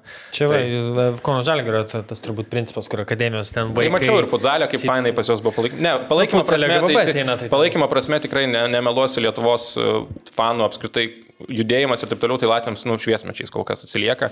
Nors, pažiūrėjau, rinktinę palaikė pats buvau Kardifė neseniai su Velsu, tai buvo fainai, kad, kad maždaug šimtas žmonių palaikė, bet tai nėra ultras, tai yra tiesiog tokia didelė bendruomenė Latvijoje, kurios, kuria yra subūręs vienas buvęs futbolininkas ir tiesiog tai yra žmonės, kurie seka vietinį futbolą, myli vietinį futbolą ir rinktinį jie tiesiog susivienyje išgerti vieną kitą bokalą ir, ir kartu padainuoti. Tai čia toks subūrė? Jurijus Žigajevas, beje, su, Panka ir su Šarnu žaidė Lenkijai. Penkias rungtynės. Kas tave vedasi? Paparis Kausim vadinasi, po porą bokalų, taip, jis ten jisai kur veda? Jisai yra vedėjas, jo. Tai jisai tokį visą judėjimą, ten yra WhatsApp grupė, 250 žmonių, visi diskutuoja apie futbolą, ten diskutuoja apie fantasy, tik kokia klaidelė, kažkas jau mane iš karto takina, bet toks labai faina bendruomenė, žinai, 250 žmonių, bet tokia realiai faina bendruomenė, kuri susibūrė, ateina, palaik, pažiūrėjau, Latvijai, kas labai fainai, Lietuva to nesizduoja, jie visi susibūrė ir kai kažkuri komanda žaidžia Europinės rungtynės, jie nueina į vieną tribūną ir jie kartu palaiko tą komandą. Pavyzdžiui, okay. vieną dieną žaidžia Ryga, ten su nežinau, ko nors jie ateis, palaikys Ryga, žinai po dviejų dienų žais RFS, jie ateis nu, palaikyti kitą Latvijos komandą. Taip, jie nėra ultras, jie nėra fanai, kai kurie iš jų galbūt yra, bet iš esmės didžioji dauguma tai yra tiesiog tokių žmonių. Už Latviją. Jo, ir labai fainai, kad ten tarp jų yra aktoriai, labai garsų žmonės, kurie šiek tiek iš šalies žmonės pritraukia ir pakeičia tą požiūrį į futbolą. Kurie, kad yra sakykime, madinga, ne? Nu, taip, madingi žmonės eina ir tai nuo to kyla mintis, kad tai nėra kažkas šonė. O dar noriu klausti. Dar, Tu čia keisi temą ar apie tai? Darbiški apie tai. Ai, ok, nes aš irgi. Apie, tas tai infrastruktūrą, ta prasme, sakai, kad jinai ten per daug vietom nesiskiria, ne? Aš, ne, tikrai negaliu sakyti, kad bendra infrastruktūra yra, yra Latvijoje geresnė. Aš manau, kad nu, Lietuvoje vėlgi viskas skiriasi tai, kad, pažiūrėk, Kaunė jau yra stadionas, Vilniuje statomas, Latvijoje. Tokio lygio Latvijoje dabar Grėmė Latvijos federacija ne? atėjo pas savivaldybę Rygos ir sako, žiūrėkit, reikia stadiono. Mes esame pasiruošę ten paimti ant 3-4 metų biudžetą iš tam tikrų programų skirtas šitam stadionui ir prie jo prisidėti savo finansavimu ten vos ne 10-12 milijonų o vyriausybė vas nesako, tai ką jūs čia su tokiais čia centais ir tokiam prezentacijom pas mus eina, tai įsivaizduokit situaciją ateina, prasme, Lietuvoje federacija ir duoda ten ketvirtadalį biudžeto stadionui statyti. Tu prasme, tai Lietuvoje, manau, tikrai apsidžiaugtų ir bent jau pasakytų ačiū, o Latvijai vos net tenais e, viešai dar kritikuoja federaciją, kad čia per mažai jie, jie duoda ir taip toliau. Tai, tai požiūris valstybės į sportą Latvijoje yra labai prastas, mano nuomonė, ten, nu, ten tikrai nei, nei sportas yra finansuojamas, nei masinis sportas yra palaikomas taip, kaip turėtų būti palaikomas. Daug tikrai tokių problemų, bet čia galima būtų atskirą, atskirą podcastą daryti. O šiaip infrastruktūra, tai didžiausi pliusai yra klubų pačių investicijos. Tai Ryga FC, ta prasme, pasidarė savo vieną bazę, pilnai ten renovavo visą anksčiau buvusi rinktinės bazę, ten yra baseinas, a, džimas, ten yra kambariai komandai įrengti, kurie gavo penkių žvaigždučių standartą. Ta prasme, restoranas ir taip toliau. Šalia yra trys aikštės, kur komanda žaidžia. Sutvarkė skonto stadioną ir įrengė rūbinį ir vipus, kurie ten atitinka vos ne Premier lygos standartus. Nu, aišku, mažesni, bet tikrai už labai kokybiškai viskas padaryta. RFS pasistatė savo bazę už dabar 10-12 milijonų pirmas etapas, dabar prasidėjo antro etapo darbai, kur dar tiek pat pinigų kainuos. Ta prasme, tu jau ateini ir tiesiog matai prie tavo akių, kaip viskas auga. Ir Ryga FC, pavyzdžiui, prie to paties dar turi kitą didelę bazę, ten mega projektą, kur yra padarę tris hybridinės dangas, pilnų matmenų, ten užsienio rinktinės važiuoja stovyklas daro, ten planuoja pilnų matmenų manėžą ir panašiai, bet tai yra tiesiog turtingi žmonės, kurie labai myli futbolą. Sakau, čia net nėra investicija, iš esmės tai yra dovana ir tokia labdara, kurią jie duoda futbolui. O jeigu mes kalbam apie pačius miestus ir apskritai valstybę kaip tokią ir jos požiūrį, tai yra tragedija. Latvijoje nėra, Rygoje nėra nei vieno normalaus manėžo, kur žaisti. Nėra, pavyzdžiui, kodėl Lietuvo, Latvijoje nevyksta super taurės rungtynės, nes nėra kur žaisti. Jeigu tu žaisi skonto haliai, ten danga sena, žiūrovams vietų nėra. sienos, ten, ne? ne, čia kitas šalia, bet nu tiesiog ten, ten viskas yra blogai, nu tu ten ne- negali jokio produkto padaryti, atrodys, kad čia kažkoks kolhozas. A, O kitas e, manėžas Rygoje, kur visi žaidžia olimpiniam centre, tai jisai net nėra pilnų matmenų, ką Lukas minėjo ten viename iš, iš podkastų. Ir, Na, čia kur draugiškai O žaidžia. kupo, kupolas yra tik tai vienas, Liepoje dabar pastatytas naujas, kur irgi labai Irgi, mažai vietos. Tai, vat, e, žinai, Lietuvoje tikrai stato tą infrastruktūrą, Latvijoje, iš esmės, ką klubai pasidaro, vat, tas ir yra, ir klubai daro tikrai kietai, nes tai, ką turi RFS arba Ryga, nu tai kiti klubai Lietuvos gali tik tai svajoti apie tai, bet tuo pačiu metu, jeigu mes kalbame apie savivaldybės ir ką savivaldybės daro, nu tai nedaro nieko. Nu, bet žinai, nenorim čia girti, žinai, apie tos klubus, bet broniukas e, Žemynos gimnazijos sienas išgrios, tai rūbinė. Ne, panevežiai šiaip šaunuoliai, šaunuoliai tikrai. Jo, bet uh, matai, vat, savivaldybės ane, ir valdininkų požiūris toks... Uh, Ir, ir tikrai labai jaučiasi, žinai, kad kuriam mieste koks meras, tai O gerai, ten tas ir sorry, vyksta. kad pertrauks, tarkim, bet tai, ką daro Vilnius valybė ir ten prie mokyklų aikštynai tvarkomi, kaip vat, tas Latvijai. Minimaliai, labai minimaliai. Ir tai visur, kur kažkas sutvarkoma, tai labai daug prisideda federacija. Labai daug. Kad kažką pati savivaldybė vos ne nuo A iki Z padarytų, tai tiesiog nebūna. Ir, ir labai smagu, kad tikrai patys klubai darosi metabė irgi darosi bazę savo, kur turi didžiausią jaunimo akademiją Latvijai. Bet iš, iš miestų nu, labai jaučiasi, kad kur yra meras, tam, tam palaiko. Pavyzdžiui, daug pilį merui patinka spidvėjus, jis apskritai ten atvirai prorusiškas yra, nepatinka jam futbolas, tai jis bando atėjęs sužlugdyti futbolą, kiša pagalius į ratus, bando neduoti stadiono, iki paskutinės dienos daug pilis nežino, kur žais aukščiausios lygos rungtynės, o spidvėjų remia. Paskui ten kokie nors jie gavo. Merui, Speedways yra... nu, ten su tais motociklais važinėja ratuje. Na, okay. E, Paskui jie gavo ten irgi silpna ledo rytulio komanda, nu, bet duoda, nes merui patinka ledo rytulis. Čia Tai labai daug, pas mus. bet kažkokių ten kriterijų ar panašiai, nu, nėra. Ir čia nekalbu, sakau, ir krepšinis klubų lygmenyje yra neįtikėtinai žemo lygio, netgi ten beveik mėgėjų lygio ir panašiai. Nu, labai tiesiog labai trūksta savivaldybės kažkokio kryptingo darbo, žinai, nesakau, kad čia turi savivaldybė ateiti visiems duoti milijoną, bet bent jau kažkiek skatinti, padėti su infrastruktūra, nu, tai yra būtina, o Latvijai to, to nėra. Ir aš dar vieną iš, iš tų lygos reikalų paskutinę galėsim turbūt prie Baltijos lygos gal pereiti, ne? Čia tą išnekėm. O pas jūs tvarkaraštis. Futbolas savaitgaliais, darbo dienom, kaip dėliojant, kas aspektai pas jūs pagrindiniai. E, tai jau kurį laiką pagal Bergerio sistemą daromas tvarkaraštis, į ką Konsultuojate su Romu Pikčilingu? nesu Romu Pikčilingu. Pamačiau, Tai ne pamačiau, pamačiau ir, pamačiau ir įsitikinau, kad be Romo Pikčilingo irgi galima kuo puikiausiai padaryti tvarkaraštį. Tai nėra mitas, tikrai įmanoma. tai pagal Bergerio sistemą daromas tvarkaraštis e, ir iš esmės ką daro Latvijos lyga, tai visų pirma mes pradedam žaisti vėliau negu Lietuva ir mes norėtumėm apskritai žaisti dar vėliau, norėtumėm žaisti po rinktinių lango. O, Na, valia. Arūnas čia hesiką šovė. Gerai, nieko, tegul tekant tų, tų laidų. Bal, baltas vanduo ir Tuo, tuo elektra čia nukratys visus. E, Tai apie tvarkaraštį kalbant, tai norėtumėm apskritai pradėti žaisti dar vėliau po rinktinių lango. Tai čia kas vienintelė. O galas? Nuo balandžio norėtumėm pradėti žaisti.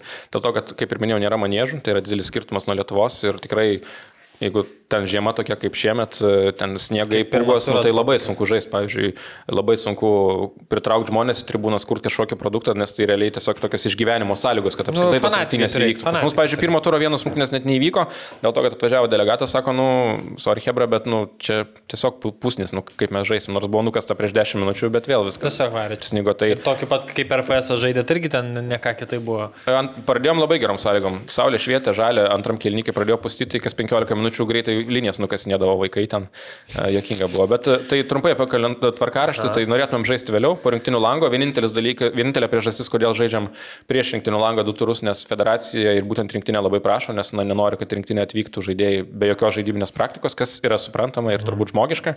Tai šioje vietoje mes norime padėti Latvijos rinktiniai, kur didžiąją dalį žaidėjų sudaro futbolininkai iš, iš Latvijos lygos. E, Intensyvus labai tvarkaraštis būna balandį ir gegužę. Bandom sužaisti kuo daugiau rungtynių, kad paskui kažkokių nukelinėjimų arba netikėtų dalykų atveju būtų šiek tiek, būtumėm šiek tiek lankstesni antrojo sezono pusėje. Nu, šiemet ir Lietuvoje balandis kosmosinis. Tai pas mus visą laiką tai būdavo. Latvija iš esmės a, po balandžio gegužės tu jau žiūri į lentelę ir tu jau maždaug supranti, kas dėl ko kovoja. Ir skirtumas nuo Lietuvos bent jau anksčiau būdavo, kad Europos metu klubai žaidžia. Nukelinėjamos rungtynės tik tai labai jau kritiniu atveju, jeigu tu matai, kad ten Kelionės kažkokios visiškai kelionės ten mega sudėtingos, bet ir tai, kad nukeltų rungtynės turėdavo abu klubai pritarti. Ir būdavo tikrai situacija, kad mes sužaidžiame Europoje ten išgyvenimo rungtynės ir po dviejų dienų turime žaisti labai svarbu mačą vietiniam fronte ir mes ten tiesiog prarandam taškus.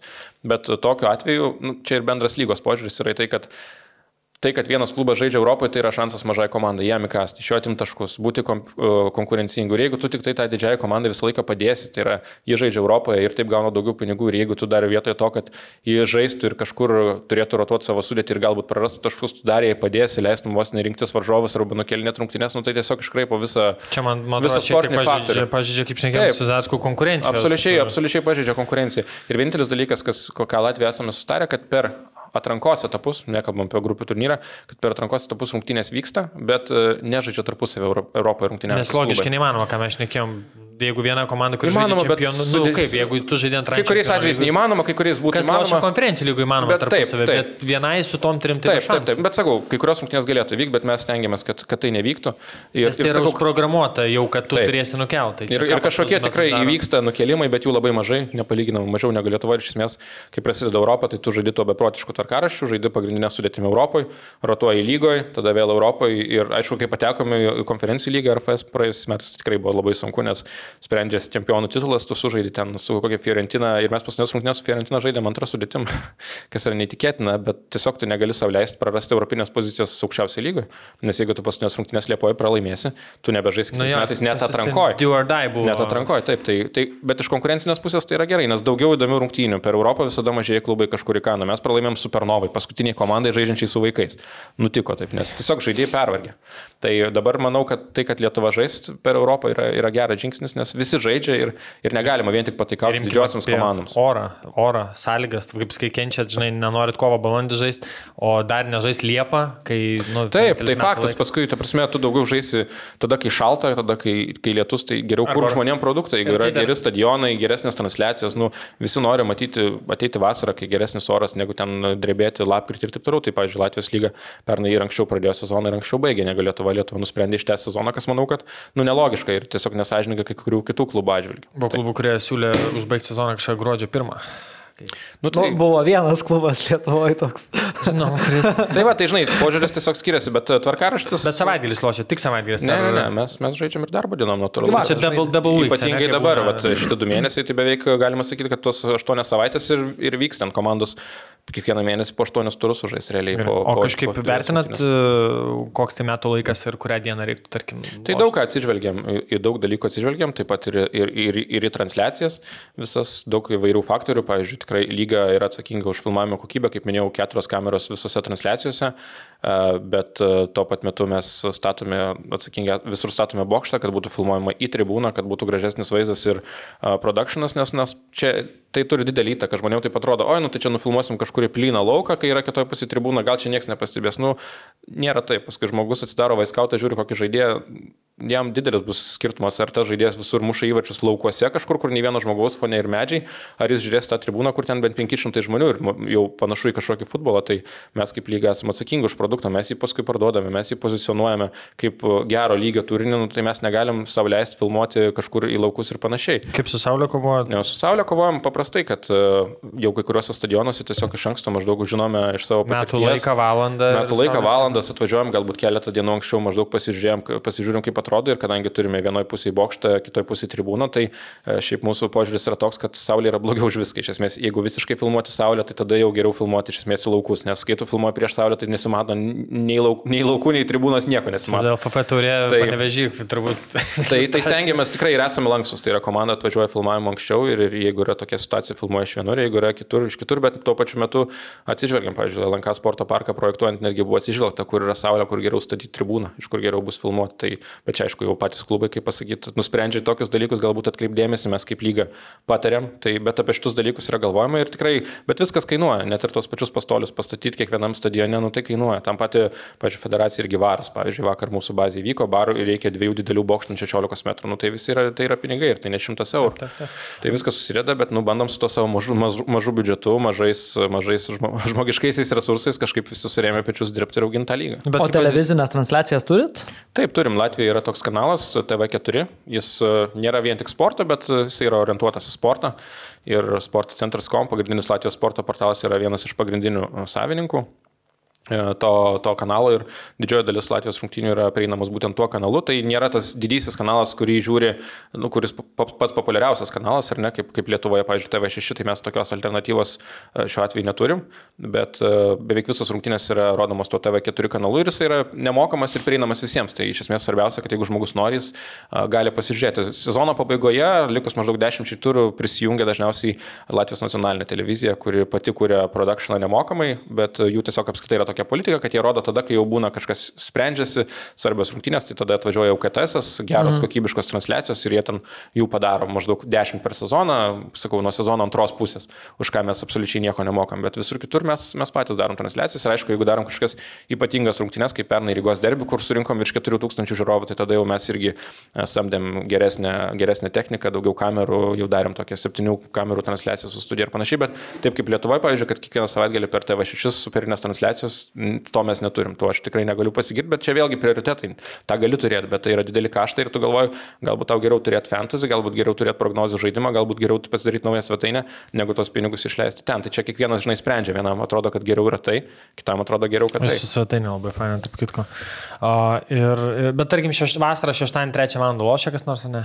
A, Būna, būna, A, ne? būna. Tikrai, nes mes irgi stengiamės, kad nesikirstų labai transliacijos, kad, kad kuo mažiau rungtynių tuo pat metu. Tai būna tenka ir, pavyzdžiui, viena iš didelių problemų, kurią mes turim, kad yra klubai, kurie neturi apšvietimo. Ir jeigu tu neturi apšvietimo, tai natūralu, kad yra kažkoks tai laikas, kai tu jau negali žaisti. Tai, tai labai smagu, kad kai kurios komandos investuoja tai ir statosi apšvietimus. Pavyzdžiui, Riga FC dabar sezono pradžioje pasistačius savo bazę, tribunėlę, žaidžia tikrai neblogom sąlygom. Vat, pavyzdžiui, vakar pirmas rungtynės RFS LNK sporto parke vyko, kur dengta tribūna 451, labai patogiai einant į viršų, pastatyta geros tikrai sąlygos apšvietimas, visą tai pasidarė klubas. Prie centrinės aikštės dabar bus netrukus statomas apšvietimas, kuris atitiks jau Europos standartus, tai yra, kad galėtum žaisti kvalifikacinės rungtynės statoma didelė tribūna. A, Tai, tai klubai patys daros, bet yra stadionų tuo pat metu, kur, kur yra problemos. Yra tokių pas mus apskritai kuriozų buvę, kad po tų rungtynių tarp Liepojos ir RFS, kur ten, kaip minėjau, viskas dingo šviesus ir reikia arbitražo nusikėlę, tai dabar komandos dažnai, kurios žaidžia vakare, jos dar išleidžia didelius pinigus tam, kad turėtų atsarginį generatorių, nes jeigu tu žaidži prie šviesų, tu prisėmė atsakomybę, kad tos rungtynės įvyks. Jeigu kažkas nutiks ir šviesus dings, tu neturėsi generatoriaus, tu gausi 0,3 ir tai yra papildomi kaštai, nemaži kaštai. Tai daug, daug tokių dalykų. Ir kai kurios komandos yra pasiruošusios žaisti vakare, gerų laikų, kur produktą žiūrovams, bet mokėti papildomai iš generatorių. Kai kurios komandos sako, nu, sorry, Hebra, mes neturim pinigų generatorių ir mes, mes žaisim tada, kai galima žaisti tiesiog dienos šviesoje. Okay. Prieš perinant uh, hipotetinių biškį ir tada galėsime apie Baltijos lygą tokį. Aš dar vieną klausimą okay. turiu grįžtant prie fanų.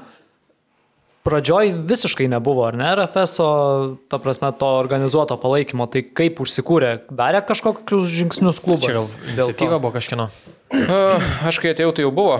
Ai, Ir- buvo ir ne? Aš kai atėjau, jau buvo, bet tikrai ten, aš dar važiuodavau, kai Valdas Dambrauskas buvo treneris ir, ir, ir po žalgirį net ir Valdas taip šipsodavo, sakydavo, nu, vat, pietų keturi ir čia tai, žinai, kaip diena ir naktis. Bet išaugo, išaugo savaime.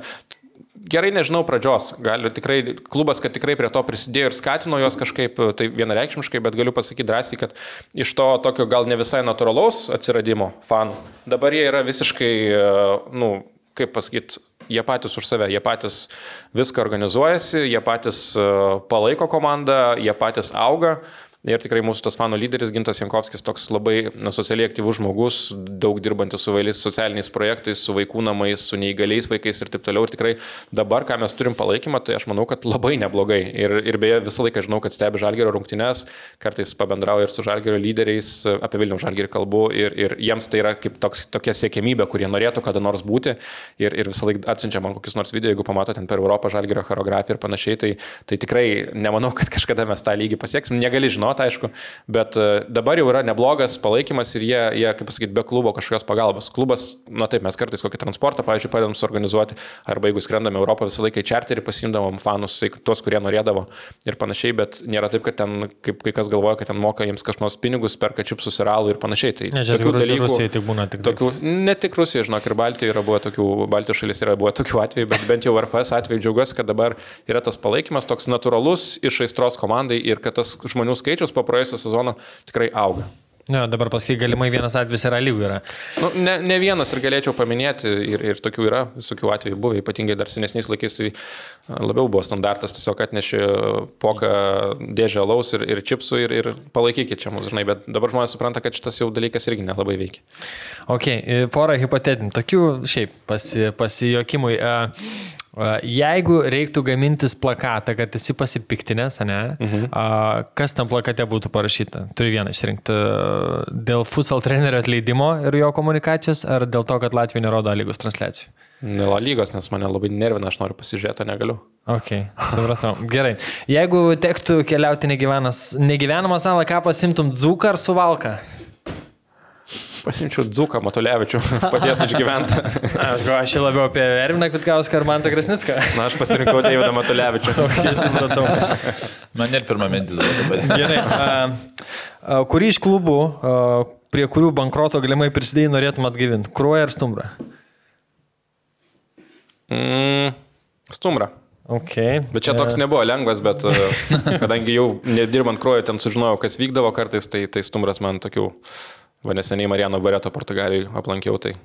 Okay, ir dabar iš kolegų šiek tiek, jeigu iki gyvenimo galo reiktų klausyti tik vieno komentatoriaus komentavimo, bet kokiam sportui, bet ką, ką žiūrėtum, Neris Kesminas ar Rytis Šniauskas? Rytis. Ok, o dabar straipsnių Maris Bagdonas ar Neris Kesminas? Straipsnis, jeigu tik vienas Maris. žmogus. Maris. Okay. Čia tegul neįsičiadžia, niekas rytis, tai mano apskritai favoritas komentatorius. Tai aš... Net aš čia paėmiau top, tai, taip, taip, tai... Manau, jau ne, negali pykti. Ok, tiek, tiek norėjau sužinoti. Tai va, man tai neimtų tavęs. ne, nu, su, su, su, su alku negyvenama savo. Čia logiška, tik dzūkai. Akcentas geras, linksmi žmonės. Lažybos, lažybos, lažybos, optibet. Dalyvavimas azartiniuose lošimuose gali sukelti priklausomybę. Ką, važiuojam e, toliau apie e, Baltijos lygą, gal ne? Jo, aš kiek. Apie e, Baltijos. Irgi Paulius turi ką papasakot. Tai čia ką, vėl ta idėja gyva? Tai jo, bet aš dar, nu, kadangi ir um, važiavome kartu ir jeigu visą laiką tos idėjos, kur aš girdėdavau, man kažkaip nesužavėdavo ir sakydavau, čia nesąmonė. Vieną, prale, vieną praleidau. Žinau, nu, kad teisingas vertybės žmogus esi. Gauni, įsivaizduokit, neturi darbo, ieški darbą. Ne? Ir gauni skambutį. Trumpas atsakymas turbūt. Gauni skambutį iš ryterio direktorius. Ar norėtum dirbti pas mus tavo atsakymas? Net nepakelčiau.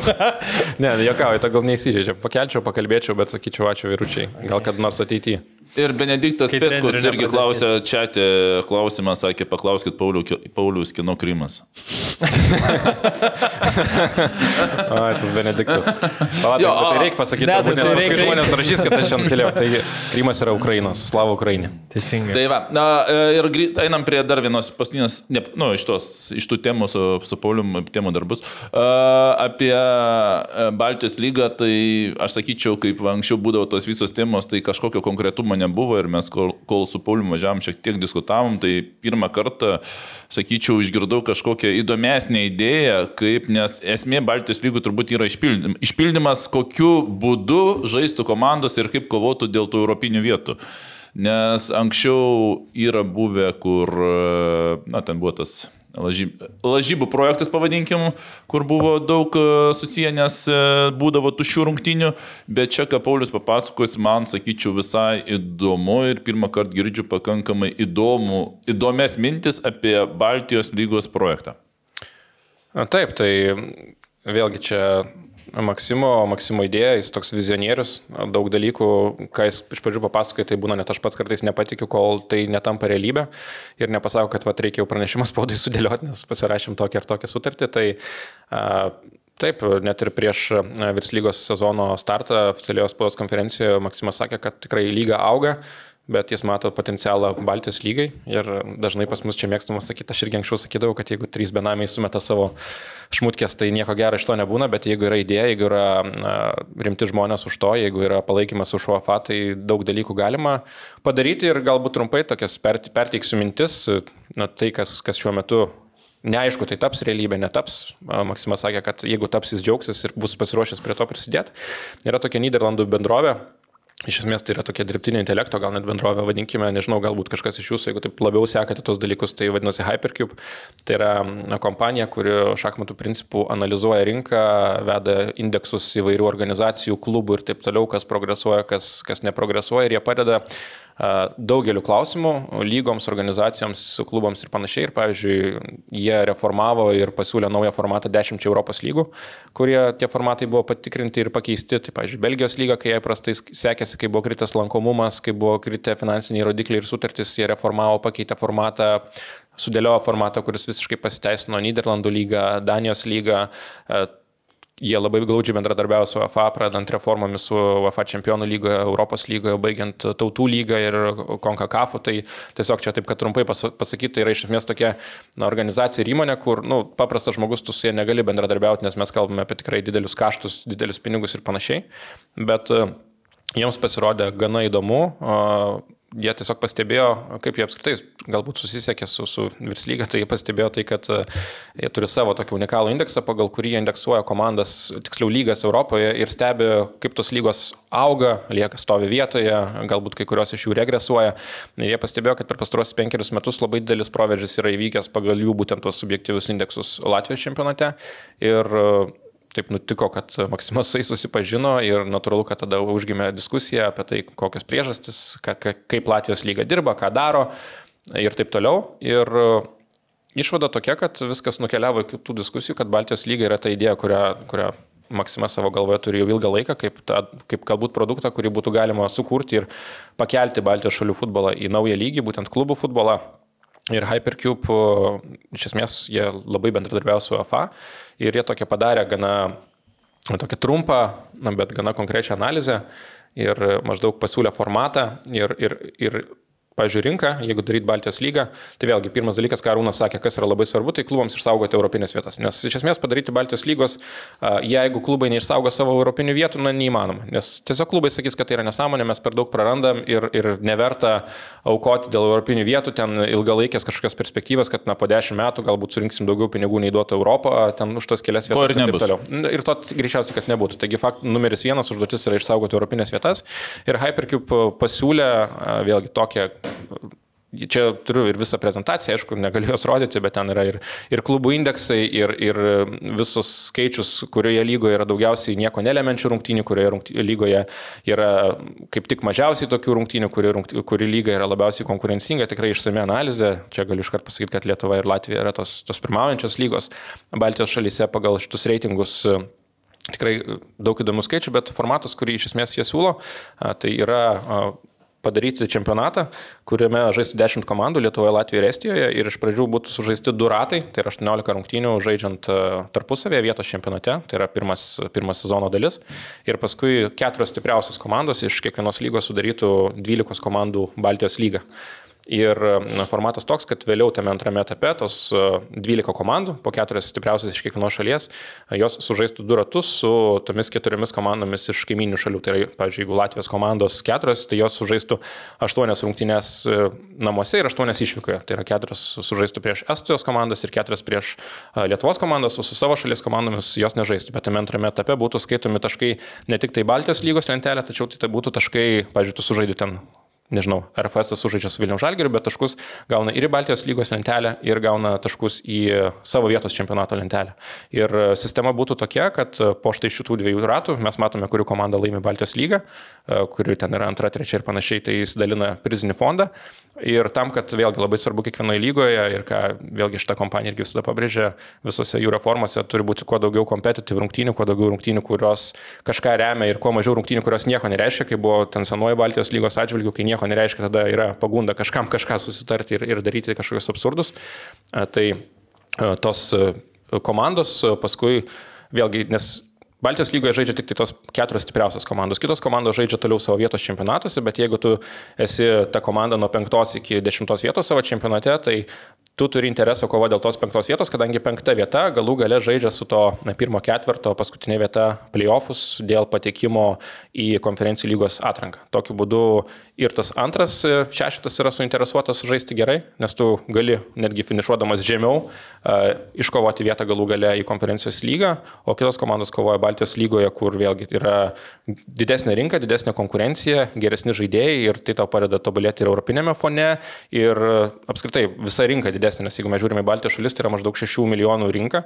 E, Hypercube nuomonė tai yra panaši rinka kaip Danija. Danija neseniai pasirašė naują sutartį už maždaug 45 milijonus eurų e, su, su vėlgi televizijos teisėmis ir Hypercube nuomonė yra, jie yra įstikinę, kad Baltijos lyga galėtų generuoti daugiau nei 10 procentų vat, šitų pajamų per, per keletą pirmų savo metų. Taip kad, man atrodo, toks, tokia, tokia lyga turėtų tikrai prasmės, nes iš esmės, man atrodo, klubai nieko nepraranda, jie gauna daugiau konkurencingų rungtynių, jie gauna daugiau stipresnių varžovų, gauna papildomai bonusus už geras vietas Baltijos lygoje, išsaugo to pačiu europinės vietas ir na, toks vienas iš siūlomų formatų, aišku, ten tų, tų formatų gali būti keletas variantų, bet vat, čia, pažiūrėjau, toks vienas konkretesnis, kurį, kurį iš karto paminiu. Tai, tai va taip, čia labai trumpai, aišku, čia galima būtų labai ilgai pasakoti ir diskutuoti. Ne, nu tai man atrodo esminis dalykas yra dėl tų europinių vietų, nes visą laiką būdavo, žinai, tas, tai kaip e, čia susikursim tą lygą ir e, turėsim daugiau vietų, žinai, negu atskirai. Arba dar klausimas būdavo, kur, kaip į tą į tai UEFA žiūrės. Taip, tai čia irgi ką reikia paminėti, kad Hypercube šiaip yra kompanija, kuri labai glaučiai bendradarbiavo su UEFA, kaip ir minėjau, jie prisidėjo prie reformų didžiausių UEFA turnyrų. Ir faktas, kad šitą lygą būtų įmanoma tik tai su UEFA palaiminimu, Maksimas yra ir, ir viešai tai sakęs ir, ir sakė, kad irgi galiu paminėti, kad su UEFA pokalbiai tokie preliminarūs, tiesiog koks jų požiūris, nes tiesiog UEFA gali ir nepasakyti, kad ne čia jokių šansų, mūsų tai nedomina, bet UEFA yra lankstesnė organizacija nei buvo prieš keletą metų, ji gana palankiai ir optimistiškai žiūri, kad teoriškai toks variantas galėtų būti įmanomas. Ir jeigu vėlgi UEFA turėtų prie to prisidėti, tai yra faktas, čia neužtektų vien palaiminimu, UEFA turėtų iš kažkurios iš savo programų prisidėti prie to vienareikšmiškai su to pačiu Hypercube, nes na, Baltijos lygos pačios tikrai negalėtų šios, šios kompanijos, sakykime, paslaugų gauti, nes tai yra absoliučiai premium kompanija dirbanti su na, labai dideliais, labai rimtais projektais, bet su UEFA palaiminimu, su žalia šviesa vėlgi turėtų sutarti ir, ir Baltijos šalių federacijos ir taip toliau toks variantas yra įmanomas. Tai manau kad, manau, kad čia mes jau kalbame apie visai kitokią Baltijos lygą, kuri komerciškai turėtų didelę tu būtum daug įdomesnis, nes yra daugiau įdomių rungtynių. Tame antrame etape vėlgi 12 stipriausių Baltijos šalių komandų, kiekviena iš tų komandų sužaidžia po 8 rungtynės namuose ir svečiuose su, su varžovais, gerais varžovais, nes man atrodo ir Lietuvos, ir Latvijos, ir Estijos pirmo ketvirto komandos visai neblogo lygio. Ir man atrodo, šitą laimį kiti, nes tai yra papildomos pajamos. Ir vėlgi, ką reikia nepamiršti, kad mes ne tik kalbame apie, na, pavyzdžiui, Baltijos lygoje, kuo aukščiau finišuoji, to gauni ten didesnį finansinį bonusą, bet mes kalbame apie tai, kad visos komandos gautų naudą. O kodėl jos gautų didesnę naudą, nes tu galėtum parduoti parduoti centralizuotai teisės e, ir tu turėdamas didesnę rinką galėtum parduoti tas teisės už didesnę kainą. Tai, tai va toks, čia, čia vėlgi viskas teorija, bet, bet teoriškai toks dalykas galėtų 26, galbūt 27 metais tapti realybę, net nebijoju, mielai apie tai kažkada plačiau papasakotų Maksimas, tai ar kažkokią atskirą interviu ar kažką. Aš tik tai toks. o apie šitą idėją, ką žin, žinojau?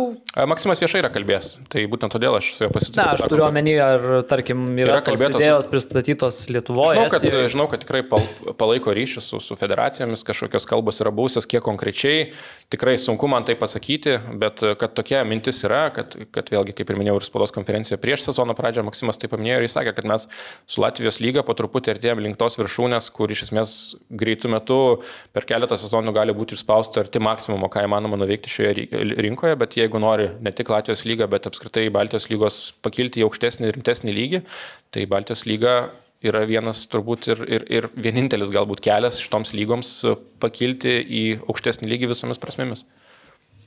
Tuo pačiu metu nenužudant vietinių čempionatų, išlaikant konkurencingumą ir taip toliau. Nes iš principo ta idėja tokia, sakyčiau, dėl kur patiko, kad realiai tu pirmus kokius 4-5 mėnesius žaidži savam čempionate, kol atsisijoja komandos. Visiškai. Ir po to nuo vasaros vidurio prasideda Europą, prasideda Baltijos. Ir gale dar, kas, va, kas visą laiką man, sakykime, neišaiškindavo, kodėl, kaip ats- atsiskiria komandos, niekas man neišaiškindavo, sakyčiau, kokia nauda atsiskirti ir paskui tos komandos nekovoja dėl... Taip, nes taip- nes kitaip- ir ant galo čempionate sustinka penkta komanda su ketvirta ir dar abi šansą turi, vieni turi aplenkti tą, o kiti turi žaisti, kad netapti ketvirta komanda, kad nežaistų, nerizikuotų paskutinėse rungtynėse dėl Europos konferencijų. Taip, tai, etapo. tai, tai sakau, čia da- dar tas, čia vienas iš tai formatų, ten gali būti tie playoffai skirtingi, galima juos šiek tiek didesnius daryti, teoriškai įmanoma, bet iš esmės taip. Ko norima to padaryti, kad su šitu formatu nedingsta vietiniai čempionatai, tai yra žmonės mato pirmus du ratus, kuriuose visos komandos nori patekti į tą ketvirtą, yra gera kova, paskui jie mato taip keturias geriausias komandas žaidžiančias Baltijos lygoje, bet mato tą šešetą, kuris kovoja tarpusavyje, kuris nori užimti tą aukščiausią vietą ir žaisti playoffuose, kaip, kaip ta penkta komanda, turėti šansą patekti į Europą. Ir, na, man atrodo, tokiu būdu tikrai visai skamba kaip įdomus variantas. Čia, sakau, didelis klausimas, ar pavyks tai realizuoti ar ne, bet manau, kad kaip, kaip konkreti tokia jau idėja ir, ir visai, visai yra įdomu. Okay, aš gal biškai praklau- praklausiau netyčia, bet nu viskai ket, kovoti dėl ketvirtos vietos, ne, tai o taurės vieta kaip A, Turi, tai dėl, būtent dėl to ketvirto kelio. Taip, taurės vieta liktų. liktų net realiai dėl trijų vietų kovotų. Ar, ar čia atsirastų kažkas Taip, per, per, per galėtų turnyrą iš esmės taip, kovotų dėl trijų vietų. Čia iš esmės šešta komanda, nu pirma Taurė komanda. tam vyktų Lietuvos. Taurė. Nu, vyktų, jo, taip, bet turime ta šešta komanda a, tam šešetukė eina į playoffus, žaidžia su penkta, ketvirta ar ten trečia. Sakau, dėl tų tos playoffų dar ten yra, yra formatų, Bet, visokių, nu, bet, bet faktas, esmės- kad apati, iš apatinės tos lentelės, tos komandos, kurios net nežaidžia realiai Baltijos lygoje, jos vėliau su savo šalies komanda arba komandomis, priklausomai nuo to, koks yra tas playoff formatas, jos turi šansą, realų šansą patekti Europą, net nepaisant to, kad po to 18 pirmų turų jos nepateko į Baltijos lygą ir, ir tarsi jos vis tiek turi šansą. Ir, ir šitas modelis, kai vėlgi lentelė dalinasi, kai žemesnė, žemesnė vieta užėmusi komanda turi šansą žaisti Europoje, jis daug kur Europoje pasiteisina, mes galim pamatyti ar ne Danijos pavyzdį, man atrodo, kai Suduva žaidė, tai irgi komanda, kuri, ar, jei neklystu, šešta finišavo iš pradžių čempionate, bet ji pateko būtent per tokį formatą, nes man atrodo šiais laikais lygoms, kai yra rungtynių, kurios jau sezono galėtų matai, kad, nu viskas, aš jau ten aštuntas, nu tai žinai, koks skirtumas. O jeigu tu dar turi šansą, va, tris rungtynės laimi ir tu staiga dar kovoji dėl Europos vietos, nu čia jau, čia jau visai įdomiau. Nu, realiai tai taip. Ką, padarom turbūt pauzelę, ar ne, ir pereisim prie skandalų, skandalėlių. OptiBet, lošimo automatai, OptiBet. Dalyvavimas azartiniuose lošimuose gali sukelti priklausomybę. A, Gerai, turim netiek ir daug laiko, Arūnas turi pabėgti. Tai skandalai, skandalėliai, Arūnai, kuris yra tavo favoritas iš visų šitų vaikų muštynės ir teisėjams mėtami pinigai, a, futsalas, ar čia kas dabar dar? A, Gal kas dabar, tai čia tokias, aš manyčiau, na, čia labai tas va trečias su džiugu ir e, Kauno Žalgiriu, kaip ten viskas buvo, tuo labiau, kad ir, e, kas įdomiausia, man aš labai kaip... Išmaučiau žinutę, galvoju, kad tik nelietuvis būtų. Nu, va tas va buvo, nes iš principo per va tą vasario mėnesį aš su 300 futbolininkų turbūt susitikau panašiai, mes važinėjom su jais ir buvo viena iš temų, kad e, vyručiai, aš sakiau, ai- aiškiai, 10 rungtynių gausit. 10 rungtynių yra 2 mėnesiai. Atsiminkit, ar pykstat, ar jums kažkas nepatinka. Nu, tų rasistinių žodžių negali būti. Ir angliškai būdavo aiškinu, aš sakydavau, kad problemas nėra. Ir aš žiūriu numeris, numeris ir galvoju, veikti internetą reikia pažiūrėti, kas tas yra, kas tokiu numeriu žaidžia. Galvoju, kas čia tas lietuvis. Ir kažkaip, nu, nelietuvis ten buvo vis dėlto, tai kaip ir buvo ir Šarūnas Tamulinas irgi išaiškino, ką daryti ir kaip žinau, ten viskas kaip ir ką aiškino, panašiai viskas ir buvo padaryta. Taip, Nu, tai kad čia- trumpai aš galiu pristatyti. Jo, Jo. Buvo epizodas antram kelinį, ten liktai biški apsistumdė žaidėjai, gavo abu po geltoną kortelę.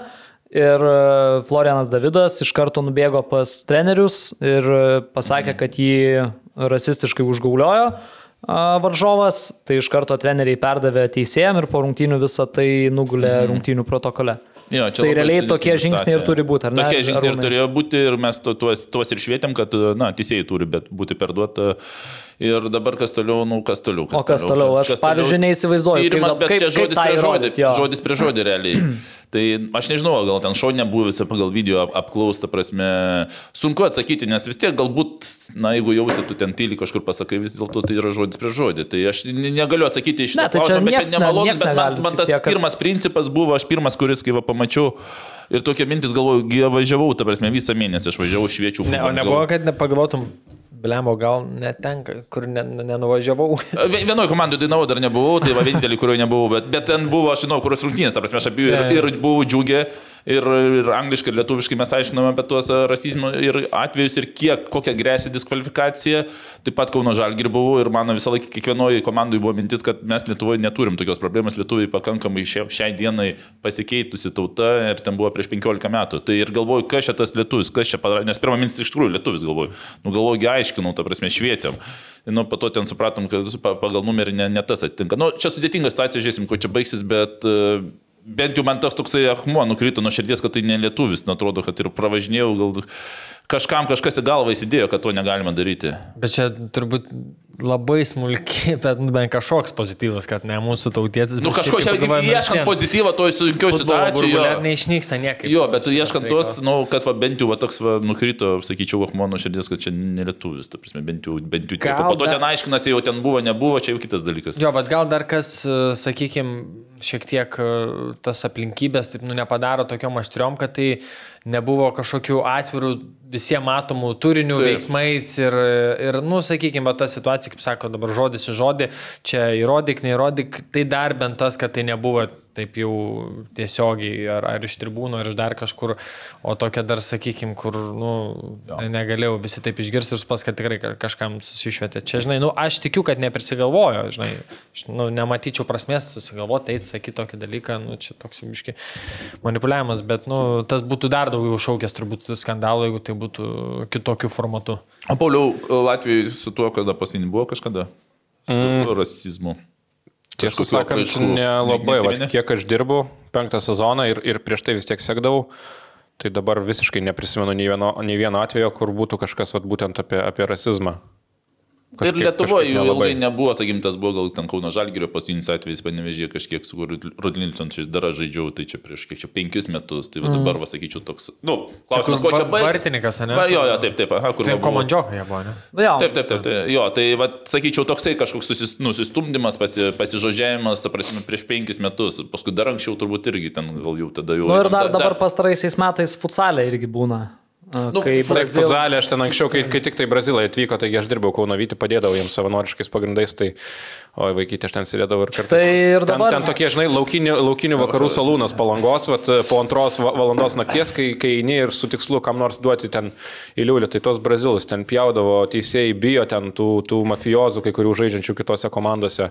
Jie, ja, tas ten kaip buvo baisu, dabar aš jau ten prisimenu į Panevežį važiuodavo tie vyčio Brazilai, nu ten irgi tribūnose, ta prasme, aš ten jau net ne, ne, ne, neminėsiu visų žodžių, kuriuos ten vietinė publika naudoja, ta prasme, nu būdavo visiška tragedija. Dabar aš mažiau seku Lietuvos futzalą, tikiu, kad ta situacija kažkiek pagerėjo, Vytis jau rodė viską, bet pradžioje, kad važiavo, tai taip priešiškai visi pasitikdavo, kad, nu, kai kur tai tikrai būdavo baisu ten. Nu, tai yra ir dabar- padangos būdavo supjaustytos kartais ten ne Brazilam, bet šiaip, pavyzdžiui, komandos ten, kai atstovai ten radi prie arenos, ten mašinos padanga perpjauta, nu tokie laukiniai vakarai, aš tikiuosi, kad, 95 čia. kad dabar, dabar tikiuosi reikalai geresni, bet čia suspėtiniu, tai aišku, čia toks nėra. Jo, tai va dabar kitos Nu, dvi tai jo, galima spėti- prie- Jo, taip ir nuo to, tai čia irgi, va, kaip sakai, tėvų ar tas, tai irgi, man atrodo, vienas kitam labai, sakyčiau, gal ta tėvų bend- bendresnė yra problema, o su, su Benu, nu, aš tikrai niekada nepagalvočiau, kad galėtų, nu, galėtų toks atsitikti Lietuvos futbole dalykas. Nu, Man čia... Jo, tai prasme, Nu, supras, čia yra. Sportinė, toks, nu, A, aš tai prisimenu Sinkaro laikus, tai manęs čia absoliučiai nestebina. Nu, aš Sinkarą futzalę, dar, dar kai Vytas irgi žaidė, nu, tai ten irgi buvo kažkokias ten ir, ir pamenu. Ir ten vienas iš jų, ar tai trenerių, ar ten vadovo, ten, ar tai nagelį užsipolė, ar kažką, kad aš ten irgi vos ne buvau įvykio epicentre. Nu, ne iki tokio lygio, bet, nu, tokių blogų dalykų yra buvę, tai Labai džiaugiuosi visą laiką, kad atrodo, kiekvienais metais jų mažiau. Nu, čia, čia aš manau net nėra ką apie tą beną kalbėti. Nu, ta prasme, faktas, kad buvo, faktas, kad buvo blogai, apgailėtinai, nu, klubas priva... Bet, Klubo pranešimas buvo gal dar blogiau negu Beno šiaip elgesys. Čia mano nuomonė. Čia buvo- Čia vi- viską šiek tiek į vietas sustatė Jonamos sporto centras. Aš manau, man kad atrodo. jo, matėt jų 27 jų žinutę? tūkstančius užšaldė, 37, jo. 37 Ir nu, viešai pa- pareiškė, kad nu, ten spėtinio elgesys tai nu, niekaip ne, nesustelkia ir kad nesutampa su miesto vizija ir kad klubo atsakymas dar labiau netenkina, kuris atrodo. Šaunuoliai, vat, jie, gina- jie padarė tokią komunikaciją, kurią turėjo klubas. Klubo iš karto pranešimas, kai tokį dalyką tu sužinai, nu, ta prasme, tiesiog parašy, kad e, mes atsiribojame nuo bet kokių futbolininko veiksmų, e, lauksime, kol bus išsiaiškintos detalės, bet smerkime bet kokį ten tokį ir tokį elgesį, žaidėjas, e, kol bus atliktas tyrimas, nušalintas nuo komandos ir ten apgailestavome, jeigu kažką įžeidžia. Nu, ab- absoliučiai akivaizdžius dalykus tiesiog surašyk, įdėk tą pranešimą ir visi sakys, nu, okei, okay, klubas bent jau, žinai, nepalaiko ir taip toliau. Bet, nu, Jonavos Ten komanda ta ten tikrai yra ir, tai- ir ten komand, Jonavos ta komanda ir daugiau problemų turi. Aš nenoriu minėti pavadžių, bet ten, žinai, yra tekę būti arenoje, kai, kai tiesiog girdi, kaip iš tribūnų ten treneris sako, laužyk ten jį, čia prieš Brazilų žaidžiant dar kažką. Nu, tokie, Tai čia šitas blogi- net šios finalo serijos Nu, tai, metu buvo. tai, tai va, blogų, blogų dalykų ir sakau, čia tiesiog visą Vėl šiek tiek. Aš neturiu nieko prieš Jonavą, šiaip faina arena, žmonės ateina, palaiko. Nu, bet kamon, išsikopkite tą savo kiemą, kad būtų šiek tiek daugiau, ta prasme, ten gali būti labai faina atmosfera. Tai, tai darykit, kad atmosfera būtų faina, kad adekvačiai elgtųsi žmonės ir, ir tokių dalykų nu, negali prileisti. Nes iš esmės žmogus, nesvarbu, kur jis yra, jeigu tu priklausai klubui, tu jį reprezentuoji. Ar tai būtų gatvė, ar tai būtų kažkas, nu tu turi galvoti dvigubai atsakingiau, kaip tu elgiesi. Ir taip, kažkas sakys, tai čia futbolas, žinai, nėra gal ten super sportas, bet pasaulio čempionatas, rinktinė, nu ta prasme, tu negali Tai- elgtis. rinktinė. Pagalvok du Aš- kartus. Jo, teisingai, aš, irgi buvau dar šiandien, kai BFA ten buvo su 18-mečiais, mes kalbėjom ir, ir aš irgi tą pa- pavyzdį priveidžiau, sakau, žiūrėkit, tai, kad apie jūs nerašo kažkur gerai ar jūsų nemini pavardžių, ta prasme, nereiškia, kad jūs esat nematomi, nes kai atsitiksit, padarysit bloką darbą kažkur mieste,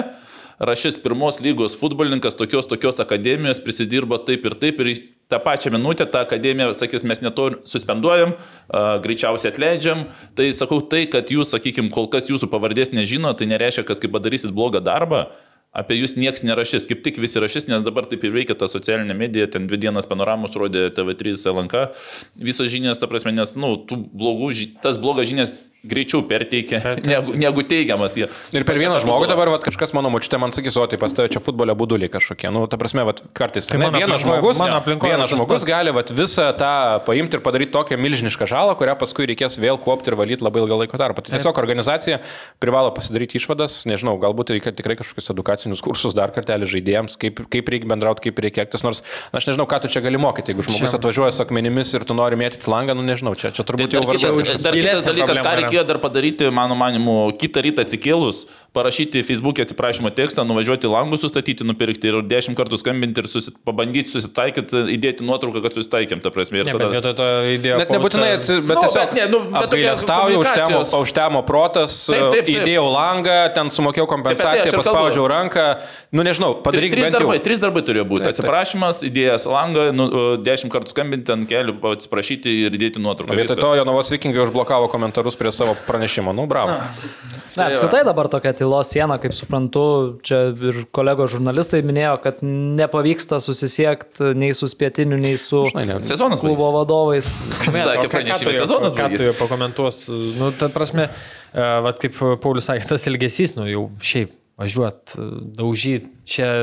jau Dar gerai, kad sakykim- Brazilai netidarė durų, tai tu Tai pagalvoji, kas taip, taip, Tai ten, būtų, taip, man net baisu pagalvoti, ta prasme, tai ten būtų, mes ir dabar iš vis kalbėtumėm, nežinau. apie, apie kitus dalykus, bet esmė, kad čia jau, nu, mes kalbam apie, nu, tiesiog Kraštutinumus nu, nu, tiesiog čia mo- moraliniai auklėjimo, nežinau, į, ku- į kur lyst, bet čia net sportą nustumkim šoną, čia net e, paprastoj būti tokį dalyką mes šnekėtume, kad čia... Nu, čia tas pats, kas užnekėtum, ar yra normalu ten mušti savo ten žmoną ar dar kažką. Nu, čia tiesiog žiauriai akivaizdus dalykas, taip neturi būti. Taip, taip. Ir aš tikiuosi, kad taip nebus, nes šešėlis ant viso futbolo, nors, nu, tiesiog dėl, dėl vieno ar kelių žmonių kvailo elgesio ir, ir tikiuosi, kad visi iš to pasimokys, bet nemalonu tiesiog, nes aš kaip futbolo žmogus, nu, mane erzina. šitą visą Čia dalyką. nuimti- Bet apie jį negali nekalbėti. Nes Benas Pietinis jau yra anksčiau socialiniuose tinkluose tiek visokių absurdų prirašęs. Ta prasme, nu, aš ten net print screenus turiu senus, nu, aš jų nemesiu, bet, nu, tu tiesiog matai, kad yra vat, kažkokia tiksinti bomba, kad, kad tai yra, ir vat, klubas yra atsakingas už savo žaidėjus, todėl Nu, bet edukacija, žinai, nu, čia- bendravimas su jais, nu, turi būti kažkoks. Čia klubas atsakingas, bet tu pasižiūri, kaip klubas irgi Nu, taip, elgesi. pamatai klubo Tu pranešimą ir supranti, kad, žinai, obolys nekrenta ten toli Nu, tai klubo pranešimas, komentaras, e, reikia daužyti teisėjus taip kaip seniau vikingai palaikinę tokį komentarą. Ai, nu tai gal Benas ten pats kontroliuoja ten tą. Čia, nu, ne, nesuvokiama. Nu, žodžiu, aš net nenoriu O ką kalbėti. noriu pasakyti, kad e, išimk futbolą, sportininką iš tos temos ir e, pats faktas, kad kažkas atvažiavo, daužė langus, bandė įsiveršti ir grasino, tai čia šiaip jau spaudoju toks jau dėmesį patrauktų. Tai čia dar kai Nu, sportininkas. priklauso dar, bet būtų rinktinės- krepšininkas, ledo ritulininkas, nu taip pat visi Tai- kalbėtų, nes... Jo, bet turime, kad tas rinktinė sportininkas žaidėjas, žinai, dar yra tai etiketė, rinktinė žaidėjas. Dauguma žmonių, vat, patikėk mano mačiutė, jinai tikrai neatskirs, ar ten salės futbolo, futbolo žaidėjas. Sakys, tai žiūrėk, futbolo žaidėjas, čia, čia sako, sakys, tai su kuo tu čia dirbi. Jo, bet nu, aš turiu, kad pats kriminalas, nu, iš savęs jis jau yra, nu, šiaip. taip, toks čia jau yra žemuma, žinai, čia- jo, čia yra čia, žemuma. Kaip skai būtų atidarę duris, būtų, nu, ta prasme, muštynės, kur... Ne, tai ten iš karto sakė į klubo vadovus, nu, brazilai kreipėsi, sako, čia atvažiavęs, ką daryti, čia... Prasme, atvažiuoja geri legionieriai, kelt lygį, mūsų mokyt žaisti, prasme, nu, kamon, tai sužaidė aikštėje, ten pakovoja, paspaudė į ranką, nu, buvai silpnesnis pralaimėjai, pripažįsti pralaimėjimą ir viskas. Nu, ir kitą sezoną dirbi, kad būtum geresnis, kad tu išdaužysi langą arba duosi jam liulių, tai tu būsi kažką įrodęs, nu, tai tu parodėsi, kad tu esi asilas paskutinis. Nu, taip, taip. Nu, Su tai visu, čia nu, net ne asilas, nes asilai nieko blogo tokio nedaro. Se- Seni bairiai, kur, ta prasme, tu galvoji, kad tokiais būdais kažką įrodysi. Tau atrodo vienintelis kelias, kuris, nu, tavo smegenis išneša. Tai neišėjo ten, tai galiu sudaužyti ant širdies, bus, bus ramiau. Nu, ne, nebus tiesiog tu durnas ir nesupranti, kad uh, tai nieko nesprendžia. Tai čia, čia nežinau, auklėjimo spragos dar kažko, bet uh, kai tai perskelia į profesionalų sportą, tai uh, apmaudu dėl to, kad, nu, kaip rinktinė futsalo juda pasaulio čempas, Kauno Žalgeris, viskas atrodo aplink tą futsalą kaip ir gražėja ten, bet tada, bam, toksai marozų lygio performances. Ir čia kaip, aš dabar tik tai neatsimenu, kažkur žiniuose Edgaras Tankievičius irgi kalbėjo, šiaip labai LFF reakcija greita. Jo, LFF šiuo atveju tai tikrai man patiko. Jo, ir Edgaras Tankievičius sakė, kad, nu, čia toks skandalas, nu, realiai jeigu e, pasieks ten, žinai, UEFA koridorius, tai ten apie tą Europos čempionatą ar apie be- Europos, Europos, čempionatą Europą, nori Europos organizuoti. Europos nori. Nu, tai gali pamiršti turbūt. Pamiršt gal ne, bet kad UEFA tikrai paklaustų, sakytų, kas čia vyksta, tai. Bet į Twitterį nekėliau vien dėl to. Ačiū. po- Bet mačiau jau Lenkijos žiniasklaidoje tas Baltički futbol. Ai, Tai ten, ten jau eina. Ne, nu, aš manau, kad šitas nueis, nuskambės, nes nu, labai sunku nuslėpti, žinai. Čia. Plus e, brazilų, kadangi yra, tai Brazilijos žiniasklaida irgi nuolat seka čia Na, įvykius tai man jau ir, ir, ir, ir Kauno. Žalgerio buvo ten tie legionieriai, kur dar mano laikai žaidė prieš 3-4 metus, tai irgi jau rašė, sako. Sako, sako, laiko klausimas buvo, kada va, kokia tokia nesąmonė. Ir sako, spėtinis, no surprise. Čia va, Mm. jų žodžiai. Bet tas bifas, suprantu, su vikingų ir, ir, ir FK Kauno Žalgerio ilgą laiką buvo, ne? O, tas- futsal, tas- tas- nu tai čia eilė. Bet žinai, prieš priešą yra gerai. Prieš priešą Bet yra gerai. neturi peržengti ribų. Jį, jį pritraukia žmonės, ta prasme, turi būti prieš priešą, turi būti sportinis piktis, bet, come on, ta prasme, tam tikra linija Ne, yra. nu, Ne, tai viskas, kas įvyko, rungt, viskas. Nu, rungtynės baigėsi, emocijos nu, nurimo, viskas. Paspaudi ranką, žinai, ir sakai, kitais metais mes jūs aplošim, ta prasme, ir eini treniruotis. Čia net ta nuotrauka, kurią kėlė Jonovai, nu, okei, okay, jo, ten atsiuntė tas žinias, neatsiuntė dar Nu, kažką. kokia čia provokacija, kad su čia ne, ne, ne, nu- ne apie provokaciją, aš neku, net jeigu tu, tarkim, neimkim, nebūtų ten tų muštinių, tai jo, įkeltą nuotraukas, kiek mes e, kitais metais grįšim stipresni ir priminsim, žinai, tu su tokiu, dabar tu teisinį su tokia nuotrauka, vadini tai provokacija. Ne, nu, sakai, tai čia, sakau, absurdas. Nėra net ką kalbėti. Ne, o iš tos pusės, ką kalbat apie tą prieš priešą komandų, tai čia žiauriai gerai lygai. Aš norėčiau, kad tokių... Tai dabar dar priešprieš- daugiau eis žmonių. Jo, jo, aš labai norėčiau, kad tokių prieš priešų daugiau turėtume ir A lygoje, ir visur, nes nu, čia yra tai, ko žmonėms reikia, nu, realiai. Arenos geros, komandos Taip. geros, Jonava gera komanda, realiai, sakau, biškai pakeisti šitą, šitą mentalitetą kažkur ir, ir, ir tiek, žinai. Aišku, dar yra kitas dalykas, ten pavyzdžiui, nežinau, klausėt, neklausėt e, trenerio komentarus po kiekvienų rungtynių. Nu, Aš sakau, Jonavos treneris ten, ten reikėtų žmogui irgi. Ten yra- Rimtų kursų išklausyti. Ten nes- yra wow, sakė, teisėjai papirkti vykdo užsakymus. Ne, nu, čia, Nu, nu, aš kai sakau, kad turi tame klube rungtynių. kultūrą keistis, atsiprašau, kad pertraukiu, tai, vat, nu, tokių žmonių neturi likti klube iš esmės, nes turi būti sveika atmosfera, nes kai treneris sako, va, einam ten tą laužyti arba tą panašiai, tai, tai per, persiduoda realiai dalis atsakomybės ant visos šitos nesąmonės, kuri buvo, aš manau, yra ir trenerio, nes pasižiūri interviu ir labai viskas aišku, kad, nu, vietoj to, kad tu kažkokį tai sportinį pyktį, ten taktinius patarimus duotum, tai realiai, nu, ten visus išdedi šuns dienas ir, ir visi kalti, visi blogi, žinai, išskyrus tave. Nu, tai čia. Bet, manau, nebūkim ir tie, kurie tik šneka apie uh, skandalėlius, reikia pasidžiaugti, kad pats tas grajus uh, pritraukia žmonių daug. Jo, jau. Kiek žiūrovų buvo, Lukai? Šiaip, aš tiksliai nežinau, nes pats nebuvau. spėčiau apie štuką tikrai buvo. Šiaip daugiau, sako. Nes mačiau, kad kiek du sektoriai buvo ištraukti. Jo, nu tai tie- realiai, realiai visas viršus buvo pilnutėlis ir apačioj sektorius viena pusė realiai ištraukta, nu tai liko du sektoriai kitoj pusėje, kurie nebuvo ištraukti. Tai šiaip pagal e, tuos duomenis halė tu gali talpinti, kaip, kaip suprantu, pusė, iki man atrodo. 2,5 tūkstančio. tai Tai tenai, nebuvo, tai- pagal protokolą mačiau buvo užrašyta 1700. Aš nežinau, ar ten tiek tikrai galėjo būti. Nu, bet jau ir 1200. 1001, 2, tai tikrai galėjo būti ir mane šiaip, nu, nustebino. Aišku, čia irgi buvo įdėta, ta prasme, ėjo ir per krepšinio rungtynės, Eurolygoje soldautas, Kubė sukasi, pranešėjas. Aš žiūrėjau Eurolygos pasakoja. rungtynės, girdžiu, futsalą reklamuoju, o iškart Latvijai tą čatą, kur sakiau, iškart įmetu, sakau, o kada pas mus tai bus, sakau.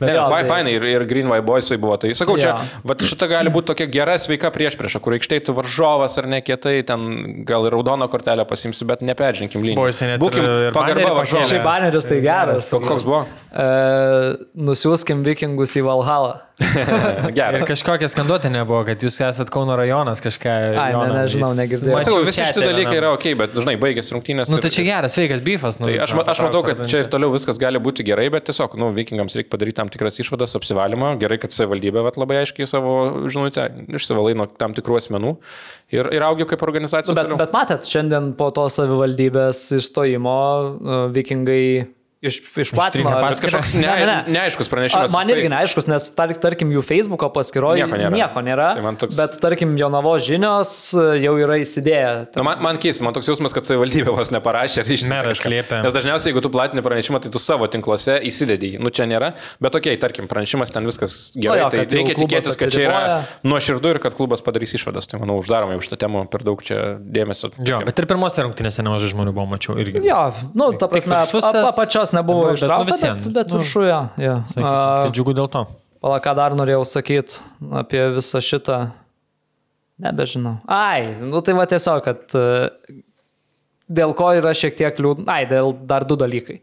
Tai pirmas dalykas, dėl ko yra šiek tiek liūdna, nes realiai, kad čia Kauno Žalgiris tapo futsalo čempionu berot septintą kartą iš eilės, nu realiai tai nu, žiniasklaidai buvo visiškai neįdomu. Kaip ir Tipo, visada mūsų ten ka- žiniasklaida. Kažkas įsimetė, žinai, gal pranešimą. Portalai šiaip įsidėjo. Tai Nu, jo, jau nėra blogai, bet faktas, kad dabar Jo. ne apie tai visi kalba. O va, čia tai yra dėmesys, kurio futsalas Lietuvoje turbūt nu, ir per pasaulio čempą nelabai turėjo, aš įsivaizduoju. Nu taip, visos žinios pirmoji vos ne vietoje. Nu.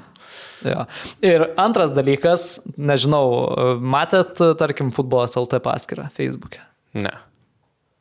Ne, nežiūrėjot? Ta prasme, žmo, nu, futbolas LT paskyra, e, vikingų paskyra ir žmonių komentarai, žmonių reakcijos į visus šitus dalykus. Tai yra haha emojiai, kad visiems jokinga, komentarai, kur e, panetkės, kad čia Kauno Žalgiris ožiai, tiesiog ožių emodžių primesta, nes čia tipo... Tai gal gautai čia labiau. Jo, kaip tik, jūs nu, nu, ar- taip supratai. Septintas titulas gautai. Nu jo, galima ir taip. Ne, bet iš tos pusės ir nu, komentarai, tai... Bet, žinai, nu, tokie visuomet, tai yra visokių žmonių yra. Nu, tu prasme, prie mano pausto apie šitą dalyką, aš vienas pir pirmų, kuris iškart sureagavau, nes man atrodo, A. kad reikia kalbėti apie tokius dalykus, kaip ten bebūtų. Uh, bet, uh, nu, irgi daug komentarų yra žmonių, kurie teisina. Jokingiausia, kad tie, kas teisina, tai dažniausiai arba kokie nors giminaičiai, arba anoniminiai troliai.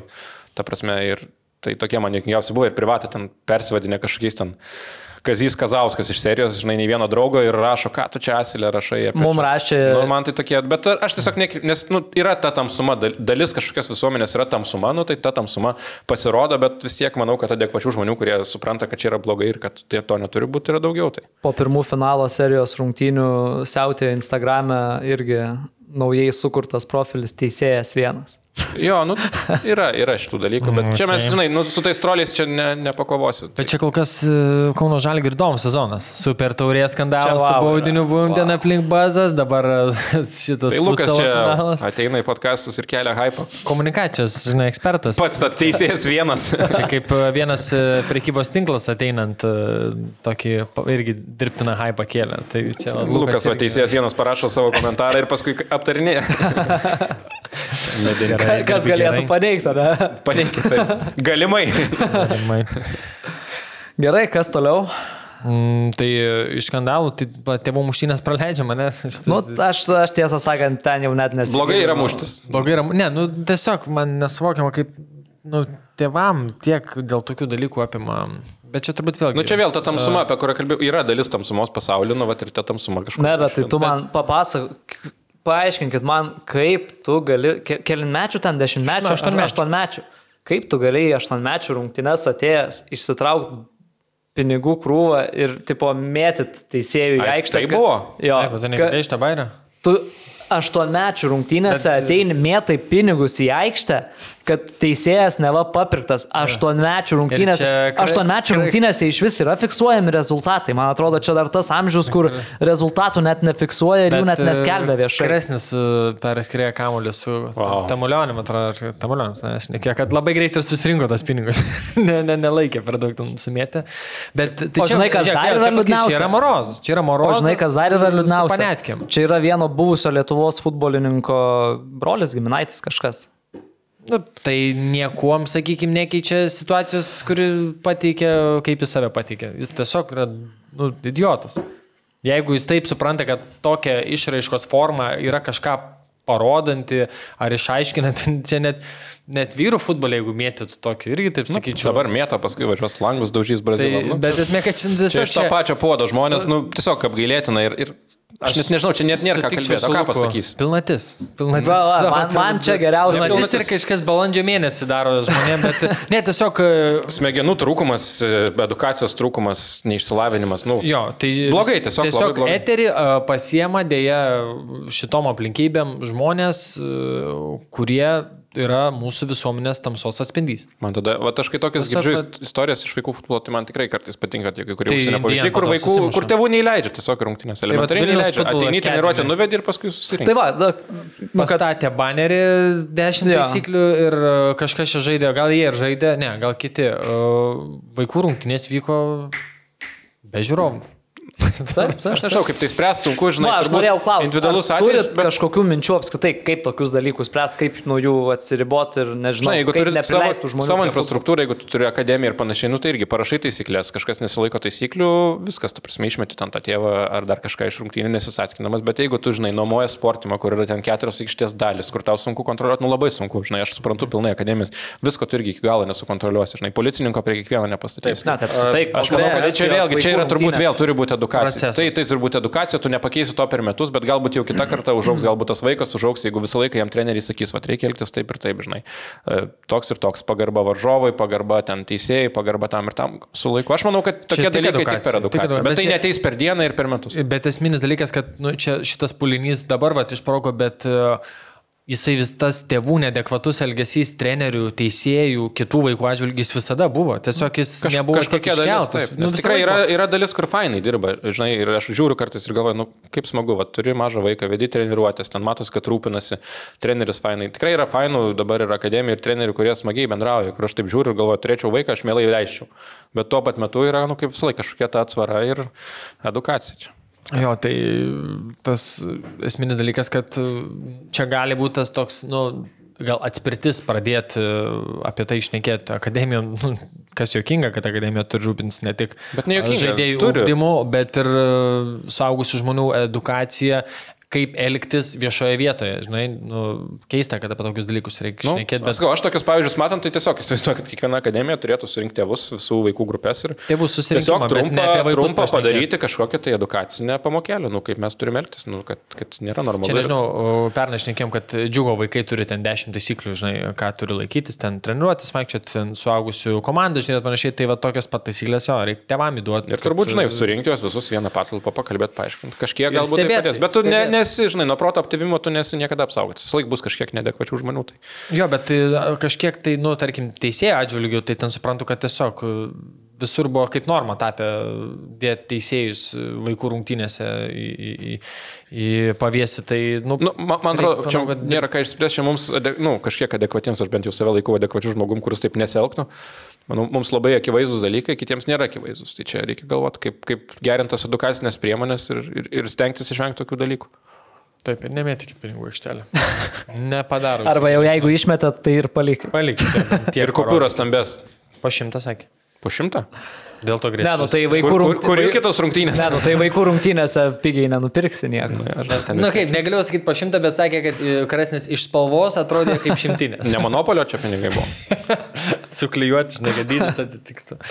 Nu, Liūdėsėlis e, šitoje vietoje. Kad, nu, šiaip, man, nu, vis laik gėlė, kad turim šnekėti apie, ne apie kažkokius, va, tarkim, fainus, gerus įvykusius renginius ar dar kažką, va, ką, pavyzdžiui, padarė Vilnius e, va, futbolo akademija ten su tėvais, su psichologais, apie patyčias, va, kur galėtume apie tokį renginį šnekėti 10 minučių.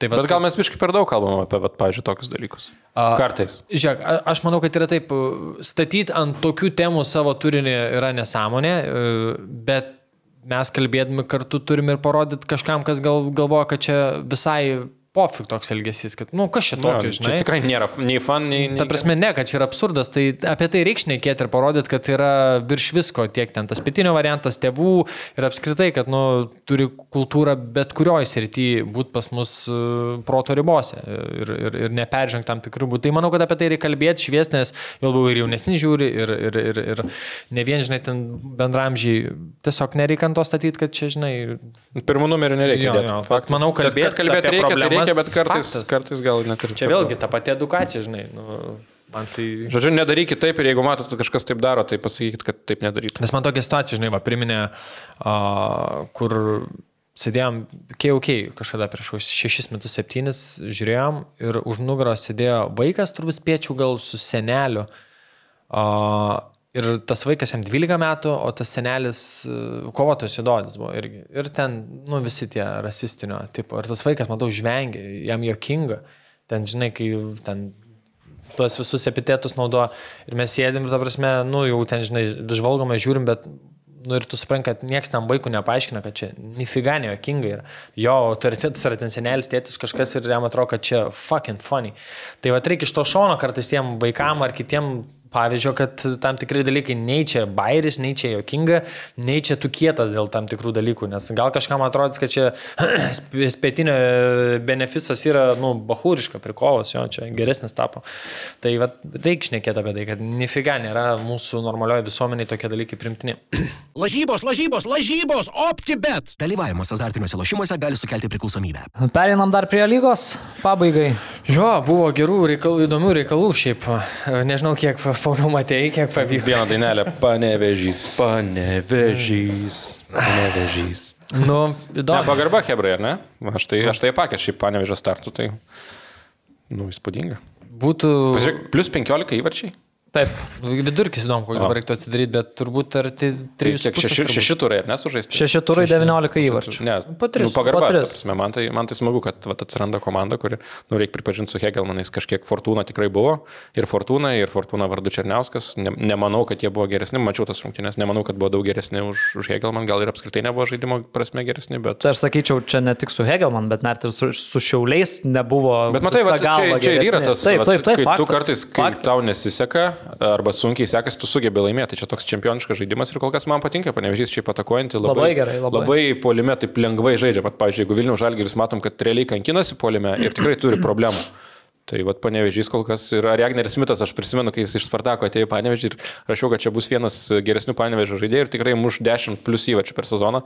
Ir jis taip sunkiai pradėjo ir buvo ten, kas man, man rašė, a, Tai va dabar galėsiu prisiminti. tą Keturi postą. įvarčių. Jo, ir, ir, ir dar jis gali padirbėti geriau su savo finišingu, bet keturi įvarčiai ir trys perdavimai. Plus rinktiniai dabar Nikaragvos irgi dvi rungtynės po įvartį. Tai, E, Manau, kad forma. šiaip pat irgi, žinai, įdomu, kokia sutartis, kokia sutartis. Čia berots kažkas minėjo, e, ar tretia, palauk, tretiakas gal minėjo futbolas LT, kad dviejų metų sutartis dabar su juo. Tai va šitas sezonas. Tik aš nežinau, ar čia vis dar nuoma yra, ar jau yra...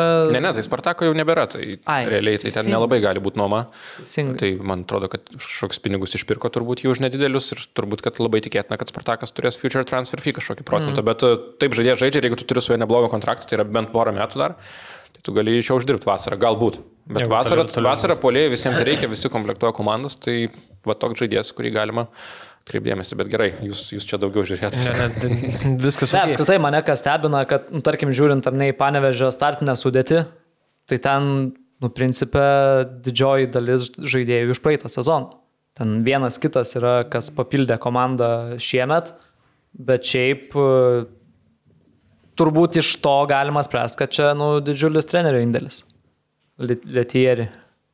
Nu, iš esmės, praeitais metais uh, atėjus Lietieris, nu, ištraukė šiaip, nu, sakykime, taip, kas yra sunku tokioje sezono stadijoje uh, įeiti ir, ir, ir demonstruoti, tai, sakykime, ištraukė tą rezultatą.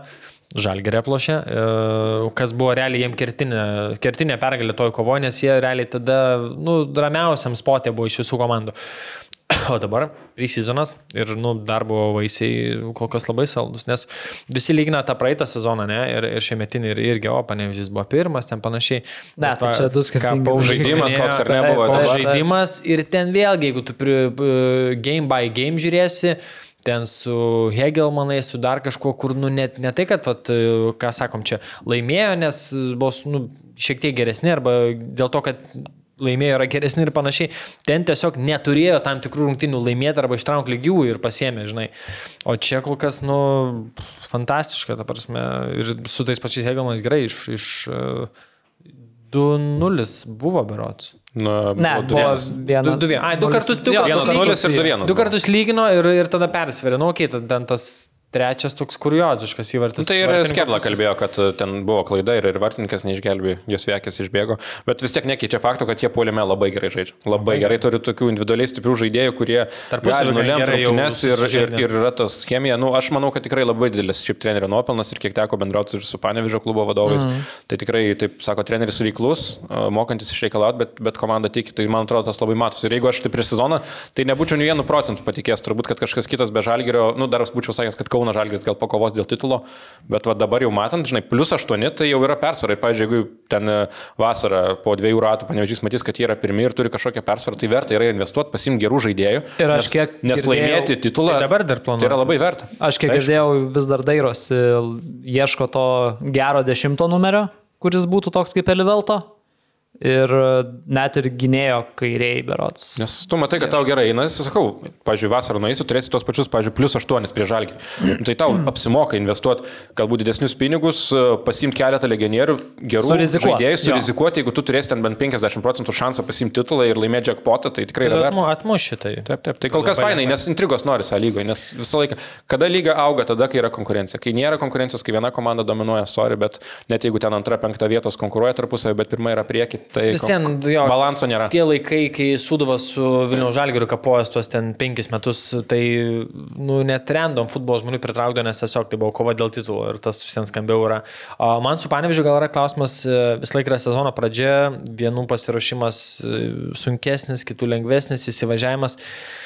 Kiek yra, va, ta, žinai, kad jie yra dabar tiesiog įėję į lygos startą fo, geriausią formą iš visų kitų ir kiek tai yra dar iki jų lubų, žinai, man va tas įdomu. Ar Šiaip... nėra tiesiog, kad kiti, bet kaip Žalgeris, kuris gimdo ir pernai gimdė ir visą laiką gimdo sezono pradžias, Kauno Žalgeris vėl tokiam, sakykim, dabar ne traumos, bet, nu, Nu ir traumos. Nu, bet, nu, ne tiek, septyni, kiek- septyni žaidėjai vakar irgi tai. Nu, ok, bet esmė, kad kiek vat, kitų aplinkybės leidžia dar jiem atrodyti geresniai, žinai, e, vat, vat, man tas įdomu. Žinai. Aš tai manau, kad visą laiką pasimato labiau tas, ta reali situacija po rinktinių pertraukos, nes per rinktinių pertrauką galima dar padirbėti ir panašiai, tai man atrodo, kad po rinktinių pertraukos matom, jog panevežys netrodo praščiau. O šiaip reikės laiko, nes nu, Vilniaus Žalgiris praėjusio sezono kontekste vėl galima rėkauti, ten čia būrinas, ką jis čia išmano, ką jis supranta, čia negali komandai jau- Prieš Riterius, prieš Bangą čia vos laimi, bet tada pasižiūri praeitą sezoną, kaip Žalgiris kankinosi, taip, galbūt taškų susirinko daugiau, neleido niekam taip, taip ryškiai pabėgti gal į priekį, bet iš esmės tai panašus scenarius. Tai aš, pernai- žinant, čia būrina ir aš plus esu su juo dirbęs krūvoje ir maždaug žinau, koks jis yra žmogus, tai manau, kad atleisti čia būrina dabar, tai būtų didžiausias idiotizmas, kurį gali padaryti Vilnių Žalgiris. Jie to nedarys ir aš net nebejoju, kad Žalgirio kreivė kils, nes tai, kaip jie dabar prastai atrodo, jie taip prastai nemanau, kad gali atrodyti Langrane, nu, ilgesnį laiko tarpą. O tuo tarpu panevežys, nu, vad klausimas, va čia bus labai Kiek įdomu. yra tas... Kiek, nu, kiek yra, nes žinai, faktas su kiekviena pergalė. Tai tas pasitikėjimas savimi auga, tu jau supranti, kad tu išeini rungtynės, tu jau dabar esi favoritas, tu su Hegelmanais išeini žaisti, tai nėra kaip praėjusiais metais, tu išeini ir galvoji čia 50 ant 50. Dabar tai su Hegelmanais ir tu galvoji, turim pasimti dar vieną tai pergalę. kažkiek gali irgi slėgti pradėti kartu psichologiškai, kai Taip, tu jau jauti, sakykime, kad, kaip sakai, čempioniškų kelių eini, tai tu Gali greitai kad tie- svarstyti viską, kad kaip tie- žalgeris, ar ne tada? Kad tau tie trys taškai jau yra nebe būt binaisio CMS, nes tavo, nu, pasąmonė yra tai, kad tu nori tapti čempionu. Bet žinai, jie tą tokį, kaip tu sakai, tą vos nespaudimą patys atrodo kelias, Letieri po tų pačių rungtynių su Hegelmanais, mes nežaidėm gerai. Nu ir jisai laimėjo, žinai, viskas ok, bet mes nežaidžiam gerai ir jisai, nu, dar savo komandą pušina, žinai, Mūšus keturis įvartis.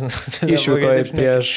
O su Žalgiriu tai vėl, jeigu tu žiūri game by game, va šiemet jo pralošiau du grajus ir išvaistė šešis taškus. Pernai e, daug rungtynių buvo, kur ištraukė lygesias arba ten kaip su banga, vienas vienas ir ten tas Liubis Avriškus nesąmonė. Nu, va, tris taškus pasėmė, nors turėjo vieną. Tai tiesiog pastumti biški pernai šaškės taip pat kaip šiemet ir tas rezultatas būtų irgi, kad tai gal būtų buvo minus aštuoni ten a, nuo, nuo nežinau kas ten. Šiemet galėjo dar blogiau Panevėžio. nepamiršus su riteriais išlindo, kur tikrai nežaidė Taip, gerai taip, rungtynių ir su Ir- banga. ir Nu, Su banga Sūduva turėjo laimėti. Toks teisėjo nulemtas grajus. Taip, taip, tai sakau- 10 prieš Sakau, kol kas 11. Žalgeris tikrai žaidžia prastai, bet aš tai dėl Žalgerio ramus ta prasme, kad, kad jų žaidimas tikrai gerės, tai faktas. Vat kas neramina, tai vat jeigu javusio trauma rimtesnė, ypač Nosis dabar, kai toks, nu, vat irgi tą patį, manau, tai realiai reikės kurį laiką nebus, tada padarys dvi kaukę ir po poros savaičių priežais, bet turint omeny, kad dabar yra labai blogas metas strumuoti, nes yra dabar intensyvus grafikas. Bet koks yra Tai- game changeris, o jau... O javusis yra, yra javusis priekyje, yra žaidimas priekyje, nėra, o javusio, Būtent. ta komanda yra polime dvigubai prastesnė, kol kas. Toks įspūdis. O javusis tiesiog yra Visiškai. Nu, labai gerai. Ir, ir dabar, vat, matant irgi tą traumą, po traumos vėl reikės įsivažiuoti, su kaukė žais diskomfortas. E, Čia didelis klausimas, koks buvo tas žalgerio oferis prieš sezoną ir jeigu tu tikrai turi sutartį tik tai metams ir tu nepaleidai žaidėjų už didelių, didelius pinigus, tai vat, didelis klausimas. Bet žinai, negersi šampano, jeigu nerizikuosi. Tai, Taip, taip, taip, bet kadangi on God we move, tai, tai manau, kad viskas jam bus gerai. Dar grįžtant prie panevežio trenerio, kas man irgi palieka įspūdį, nes, nu, yra trenerių, kurie važiuoja ir žiūri kitas rungtynes gyvai, bet pavyzdžiui, Lietieri su analitikų komandos Kauno Žalgerio turbūt visose rungtynėse buvo. Atvažiuoja, žiūri, skautina gyvai. Nežiūri tik per transliacijas, bet važiuoja absoliučiai visus grajus. Jaučiate stebimi. nu, bet čia pro, nu, ką ir sakė Bronis, kaip pas mus lankęs, kad nu, ne, nematė to, tos tokios darbo etikos ir net tas uždavė toną kitiem treneriam, tai, nu, kol kas tie vaisiais, vaisiais skenus. Ir vad kaip, nu, panevežiu, džiaugiamės, nu, aukštai šiauliai toliau garsina, šiauliai, nu, Aš fantastiškai. irgi norėjau sakyti, kad, na, irgi, wow. Bet, nu, jeigu dėl šiaulių aš ir dėjau juos, kad jie bus ketvirti, tai turėjau tą mintį, nes turėjau savo argumentų, dėl panevežio gal taip nebuvo. Bet dėl šiaulių aš jaučiau, kad, nu, brandolys likęs, pasipildė gerais veteranais. Treneris sugebantis sukurti gerą mikroklimatą aplink žaidėjus ir viską. Mūšantis polėjas liko. Nu, kodėl ne? Ir panašu, kad jo, viskas, viskas labai gerai ir, ir linkėčiau jiem toliau tai važiuoti. Mane tai gerąją prasme šiaulį nustebino, prisipažinsiu, kad nesitikėjau. Vis tiek Čiapas yra treneris, pas kurį toks kovingumas visada, gera atmosfera, bet tuo pat metu komanda polime ne visada laisvai. Jo komandos labai retai, aš prisimenu kažkokias jo komandas, kur vat, polime taip lengvai, natūraliai susikuria įvartinės situacijas. Dažniausiai vis tiek tokia komanda, kur kenčia per charakterį ant kontratakų. O dabar, o dabar atsiprašau. O dabar šiauliai, man atrodo, tokia komanda, kur aš matau, kad ir iš pozicinio polimo jie susikuria progų. Tai labai Ir, ten. pavyzdžiui, tikrai kai kurie žaidėjai, taip kaip į ly- į lygą žaidžia, lygius Jankauskas sezono pradžioje, nu tai super. Ir Danielis žaidėjas. Romanovskis Danielis. Romanovskis ir man patinka, nes aš tikrai taip važiavau sudėti ir, ir praeisiais metais būdavo namuose tikrai gerų rungtynių, bet kartais sunkiai jiems sekdavosi ir man atrodo, kad tai komanda, kuriai reikėtų galbūt daugiau tokių kre, kreatyvių legionierių, bet ką aš dabar matau, tai tikrai smagu. Ir va vėl, pavyzdžiui, charakteris ar ne tas čia po komandų prie žalį. Prastas startas, Sigitas ten nesužaidžia sėkmingai, baudinys, e, Paukštė atremė. Paukštė atrėmė, paskui rodai charakterį. Realiai antrą kėlinio, ką antrą kėlinį Žalgiris parodė? Šiauliai buvo geresnė komanda. Šiauliai buvo geresnė komanda antrą kėlinį. Čia net, net tas atvejis, kai, žinai, Žalgiris praleidžia ir tada 20 minučių užlipa vienas po kitos kėlinio. Šiauliai pajuto kraujo skonį, žinai, 0-0, o čia 1-0 ir tu jauti, kad tu gali žaisti, matai, kad Žalgiris, nu, nieko Bet šitą ne neparodo. visada prie žalgerį tas, tas tikėjimas būna. Čia man kas patiko, kad tu pirmauji ir tu žaidi drąsiai. Tai yra, tu nesulendi kažkokio autobuso tą vienas ir, ir šaunuoliai. Tikrai fainai. Žmonės ateina šiauliuose. Aišku, laukiu, kada tam centriniam stadione žais, nes ten toks biški Černobilio vaibas. Donbasas ten, ojei. Yra padarytas Toks, video. bet žinai, negali pykti ant komandos. Ne, tai taip. Svarbu, kad apskritai turi tą sintetinę aikštę, kad dirbtinės dangos, kad gali žaisti, bet tikrai nesižiūri, nesižiūri tos transliacijos. Labai, labai. Uh, matėt uh, Rimvido Sa- Sadausko Čia pernai? celebrationą, Ai, celebration. kur, Tai gerai, kur džiaug, džiaugiasi Romanovskio įvarčių į Žalgirio vartus, ten visi apsikabinę džiaugiasi ir jisai atsisuka, nes galvoja, kad komandos draugas dar šone tiesia ranką pitaką duot, ten teisėjas stovi. Savo ranką. Jis ir pernai po rungtynių kažkur ne su žalgiriu, bet gitariuose, kur Estadijoje, su jo, jo, jo. photoshopino, kur vietoj, kur yra ta fotkė į tą visą karo lauką, tribūnas padarė, tipo, milžiniškas. Nu, matai, stumbro talentą išauginom. Romanovskis, Romanovskis Sadauskas. Taip, nuomos pagrindais. Nuomos pagrindais A, buvo. bet labai trumpai. Šiaip džiaugiu- džiaugiuosi tikrai už juos, nes Čiapas kažkaip vat, atgaivino juose ir tą tikėjimą, ir, ir Sigitas Olbergis irgi. Tai, Aišku, ten nuo javus jau užvažė, bet... Šis irgi. Kaip? Šis plaukas. Šešplaukis Kauno žalgirį buvo. Jo. Tai, Bet, tai- bet dabar atsigavęs, ta A, prasme. aš turiu minėti, kad stumbrė nebuvo. Jo, jo, bet e, turiu minėti, kad, nu, šiauliuose O atsigavęs. aš apie šešplaukį galėčiau pasakoti, jisai buvo kruojo visiškai jaunas, kiek jam ten kokių 13 metų gal buvo, kai aš dir- dirbau po kruojo komandai ir jisai už dublerius važiuodavo ir Nu, ten atrodė toks, jis buvo žiauriai talentingas, ta prasme, iš visų pakruoja ten to jaunimo ir panašiai, tai absoliučiai ten savo amžiui tai jis galėdavo kaip mesis, ta prasme, visus apsivesti, išguldyti ir užsimerkęs įmuštyvartį. Bet e, numatėsi, kad iš pakruojo, kad e, trūksta tokios disciplinos ten ir, ir su mytyba ir panašiai, bet e, labai džiugu iš tikrųjų dėl jo, tai tikrai labai džiugu, nes užaugo ir, ir visą laiką matėsi, kad talentą jis turi ir gerose rankose, pas trenerį, kuris jo tiki, manau, kad jis dar net viso potencialo nėra atskleidęs. Jo, tai... Tai fainai, kad čia pas va tokia lietuviška. Alkana komanda, gerą kolektyvą. Bet aš galvoju, jeigu galėčiau pasirinkti vieną kolektyvą, su kuriuo ten nueit pasėdėti vakarę kur nors mieste, tai gal šiauliai būtų, turbūt net negalo, turbūt šiauliai. Sveiki. Nors panevež irgi neblogas buvo vaibas dabar po paskutinių rungtynių. Jo, bet čia, Rūbiniai. aš ir čia gerai topiką iškėliau. Bet aš su šiauliečiais eičiau. Su šiauliečiais. O dar, žinai, dar, dar ta komanda dar turi potencialą, tarkim, su Žalgiriu vieną keitimą atliko. Tik tai. E, Išėjo vietoj kuklio gasiūnas, toks greut, žinai. Bet ant suolo dar yra Urbijas, kuris po traumos atsigauna šitam sezonė, kiek ten 8 minutės užžaidė. Petravičius irgi, kuris va priekė, nu, šiaip labai greitas žaidėjas, techniškas. Tai Dar Dominikas Kubilinskas. Bet nedaug lošia kažkaip. Jo, šiemet metais. labai Pernai nedaug. jisai dar visai žaidė. E, tas pats Vaitkūnas, Jefremovas e, tru- tru- su traumelė, tai, nu, pernai, žinai, žiūrėdavai į šiaulius ir sakydavai, nu, okei, okay, pagrindas yra, bet prasideda kortelės, prasideda traumelės ir, nu, nelieka, ar ne, pusės komandos. Dabar tu žiūri į tuos pačius šiaulius, nu, ir ten yra tų žaidėjų, kurie ten vienam ar kitam iškritus, nu, lygiai taip pat įeis ir nemanau, kad ten e, Simonas Urbys ten vietoj kažkurio atakuojančio žaidėjo bus praščiau priekyje. Ir kas su šiauliais dabar įdomiausia, uh, trys turai liko iki pirmo rato pabaigos, jie yra antri, aukštaityje dominuoja kol kas lygoje. Uh, šiaulių varžovai likę, Dainava, Džiugas Banga. Kur, nu, negerai nesakyk, nu, šiai dienai žiūrint, tai Bet taip. ten jeigu paims 9 silpnesnis taškus, nenustepsim, ar ne? Jo, nu, gali, gal realu, ne, nėra, kad čia įmestas koks Kauno Žalgeris ir, nu, ten taip, ten Šešis taip. pasims tikrai. Tipo, jo, Gal daugiau. Tai, tai pagalvo, kad jie gali baigti ten su 22 taškais po, po pirmo rato. Tai spūdinga. Ir čia jau tokia, žinai, persvara prieš tam tikras komandas, kur net ir duobeliai kažkokio tau gali tas, nu, tas kūra padėti išsilaikytam ketvirtį, žinai. Čia kaip panevižiai pernai, pavyzdžiui, ta pradžia, nu, ilgai buvo žinant, kad jie ir su Jonama po to lygiam sužaidė ir panašiai. Tai O ką mastom dėl riterių? Kada treneris trečias? Pas kas šį kėlė, palauk, kad, ai, Krasnickas perskrėja kamuolį, kad ten kiek trenerių bus pakeista iki tol, kol riteriai pakeis šitą trenerį. tai visi spėjo po vieną. Aš manau, kad, nu, vieną for sure. Bet e, Kada šitą? Po Aš, vasaros. pa- aš, pavyzdžiui, neturiu prieš riterius tikrai nieko, aš ten kartais ten pasijokiu, bet aš iš visų mėgstu kartais pasijuokti, man atrodo, sveikas humoras dar niekam nepakenkė. Bet nu, aš manau, aš apskritai tikiu organizacijom, kur yra stabilumas. Tikiu organizacijom, kur yra pasitikima treneriu, kur, kur organizacijos yra stabilios, kur nėra keičiama kiekvienais metais ten 80 procentų sudėties. Ir labai sunku per ilgesnį laiko tarpą kažko pasiekti, jeigu tu nieko nepasitikė. Jeigu tu tik po kelių prastesnių rungtynių atleidai trenerių. Nu, pavyzdžiui, rungtynės riteriai, Žalgiris buvo geras rungtynės riteriam. Nu, jie pralaimėjo. Pralaimėjo stipresniai komandai su geresnė sudėtim, bet jie žaidė neblogą futbolą. Tu po tokių rungtynių net ne iš karto atleidai trenerių. Nu ir vėl blaškimasis. Tie žaidėjai, žaidėjai irgi nekvaili. Jie žino, kokioje jie organizacijoje dirba. Organizacijų, kuri sutartis pasirašo ne prieš pradžią, pradžią sezono, pakviečia jau buvusi žaidėjai peržiūrą, prabūnais ten kartais mėnesį. Nu čia ne, nekalbu apie visus, bet yra tokių buvę atvejų.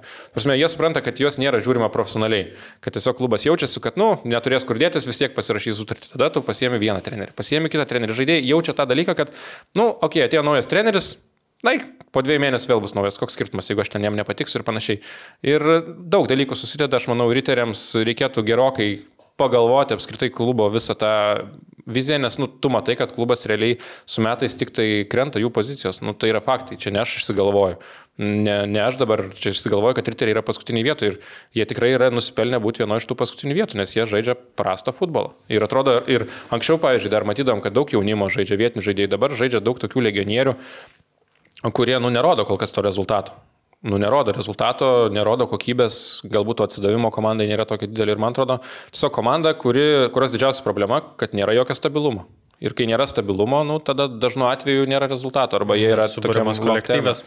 O, ir jo, dėl tų rezultatų geras tavo, žinai, nes jo dabar jie ten 90 pernai, vat, nu, tai pažiūrėtum, kovoja dėl Europos, bet, nu, ten vėlgi pakeitė tą trenerį, kažkoks susitelkimas buvo, bet ta jų kova iš esmės buvo dėl tose paskutinėse penkiuose ar keturiuose turuose, dėl to, kad jie įsportino sužaidė. Jie sužaidė dvi rungtynės, pasėmė taškus, kurie leido. Realiai jie ten turėjo, jeigu būtų žaidę LFF stadione, kaip ir visi laukia, būtų tos du grajus prapylę arba susirinkę vieną taškelį, jau būtų kaip suduva atsikabinę ten dėl tos kovos. Tiesiog ta korta jiem labai sužaidė, nes jie ten, man atrodo, panevežė apsilošė ir dar kažką. Tai, Ir jie tikrai pakils lentelėj. Kryptingai tai krenta. Nu, Jie, jie pakils lentelį, jie, nu, tai nėra dešimta komanda pagal tą situaciją visą. Bet e, tiesiog ta kryptis, kurio eina klubas, nu, man jį netrodo šiuo metu primtina. Dešimta vieta, kol kas komanda per šešis turus ne vienos pergalės. Ir man kas irgi, pavyzdžiui, keista, kad uh, žmonės kartais hypina, ten Brizola sugrįž, dabar mus ištrauks. Nu, kas yra Filipe Brizola? Tikrai labai geras žaidėjas. Tikrai neblogai atrodė Latvijos čempionate, buvo vienas ten turbūt e, pagal svarbumą top 6 žaidėjų Rygoje, bet nepamirškime, kad tai yra futbolas. Čia vienas žaidėjas nunemesis Brizola. Neims jisai dabar ir neištrauks tos komandos. Čia net važiavo žaisti Mesis arba Cristiano Ronaldo. Ir tai yra svarbus žaidėjas, bet jis praeisiais metais kiek jisai sužaidė rungtynių dėl savo traumos. Tai kad ir koks jis būtų tikrai A lygos lygių neblogas žaidėjas, bet tai čia nėra, kad vienas žaidėjas sugrįžo ir dabar staiga viskas pasikeis, nes žaidėjas metus laiko beveik nežaidęs, tai jam reikės laiko, reikės įgauti formą ir taip toliau ir panašiai. Tai kažkiek jis tai komandai gali duoti, bet jis vienas, tai čia nebus, kad dabar va grįžo Brizola ir riteriai prieš visus važiuos. Ir sakau, aš matau šito klubo tik vieną didžiausią problemą, tai yra stabilumo trūkumas ir kol komanda netras kažkokio trenerio, nepasakys viskas, važiuok. Trijų metų projektas, dirbam, darai, diskutuojam, ko reikia, padedam ir, ir bus rezultatas. Jeigu toliau tu mėtysi po 3-4 trenerius, nu tokios komandos, kurios tiek daug pramėto, labai retai kažką, kažką pasiekia. Ypatingai tiesą sakant, Baltijos šalyse tai čia dar sunkiau, nes atvažiuoja tie legionieriai iš kartais ir padarių lygų pažaidę, bet legionierių, kuriam ten apie 30 metų, 28 labai nesunku dabar pasikviesti, kai atlyginimai yra pakilę ir Daug sunkiau, vat, pabandykit 20-21 metų žaidėją atsivežti talentingą. Čia yra sunki užduotis, kur tau reikia susitvarkyti ir su tais visais, ir su kompensacijom ir panašiai. Atsivežti vyresnį žaidėją nėra labai sudėtinga, bet jie dažnai atvažiuoja ir galvoja, oi, čia A lyga arba Latvijos čempionatas, čia mes to visiems parodysim, kaip reikia žaisti. Ne, čia taip nėra. Čia, čia, čia ir tie čempionatai yra labai konkurencingi ir jie yra kur kas stipresni negu ta infrastruktūra, kurią mes matome. Tos stadionus, aikštės ir panašiai.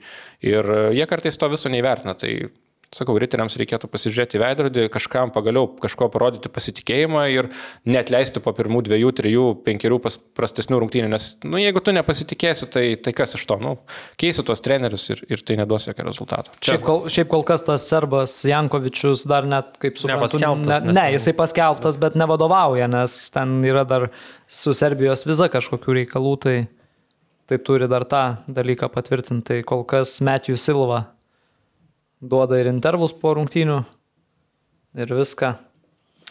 Gerai, toliau. Ko panevežys Šiauliai Žalgiris paminėjom, Hegelman. Kokį Riterius įspūdį? paminėjom irgi reikia Ai, nu jo, Riterius paminėjom. Kokį įspūdį palieka, Pauliau? Matei kažką šiemet? Mačiau, Hegelman? mačiau Hegelmanus, gal net ir taip labiau stengiuosi pasižiūrėti, nes vis tiek nemažai žaidėjų iš Stumbro, Gedrius Klevinskas irgi puikiai pažįstu, tai uh, turiu pripažinti, kad neblogas rungtynės su Panevežiu buvo. Manau, turinio prasme, Hegelmanai ir gerai pradėjo, ir du kartus pirmavo, ir uh, polimas tikrai funkcionavo gerai. Antro kelnio pradžia ten Ten ypatingai. tie keli įspūdingi tolimi smūgiai, pagarba Vytautui Černiauskui tikrai.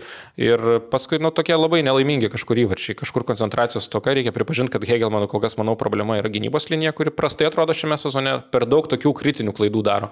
Vaikiškų klaidų. Kažkur labai, žinai, kas keista man, kad nu, vartininkai negelbė šitos komandos šiame sezone. Mes matėme Švetkauskas, kuris šiaip, aš manau, yra geras vartininkas. Nu, bet būna visiems prastesnių atkarpų. Nu, nebuvo jo gera atkarpa, kaip jis startavo šiame sezone. Nu, dabar jos viekis irgi prasidėjo alaus.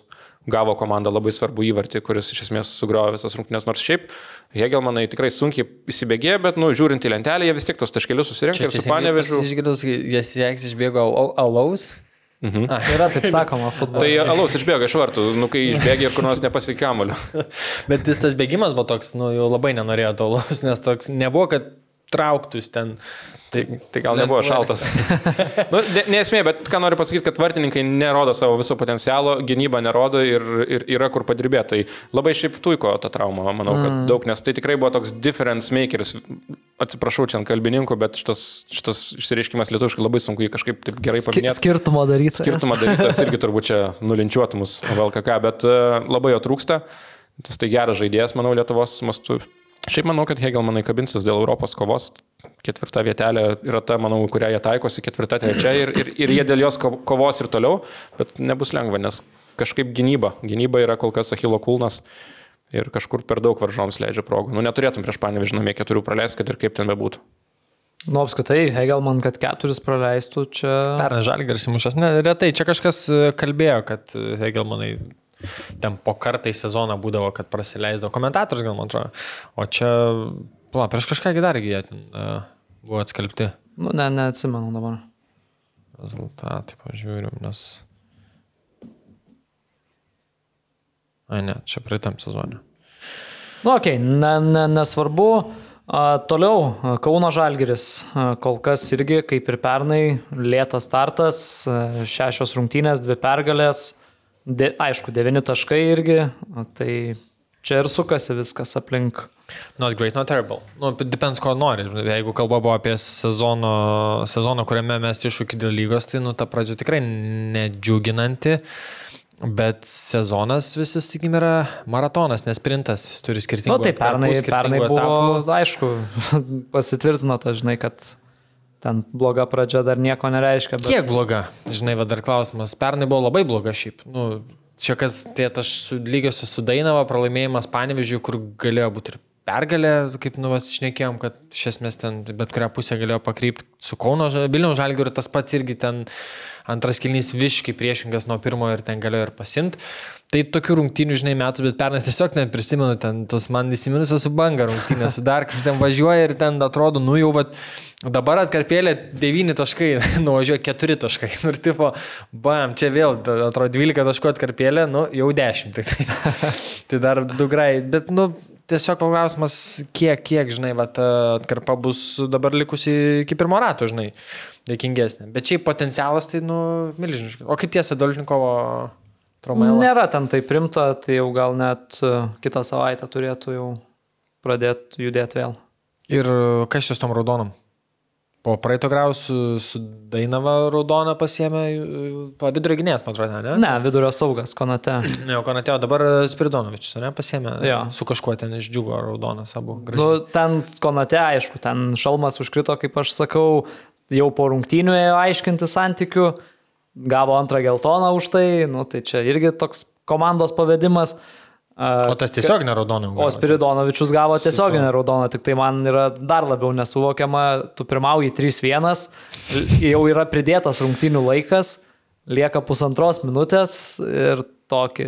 Nu, Čia gal įsvadinio norėjo kažkas, koks koncertas kažkaip- nevyksta, ten tą kitą dieną reikia pasižiūrėti. Žalgirio arenai. Gerai, šeštadienį. Gal paliekti kažkur. Ne, tai, tai tokie, ta prasme, kortelė tai kortelė, tai su komanda vis tiek važiuoji. Ai, pas jūs taip, ar ne? Jo, aišku. A, okay.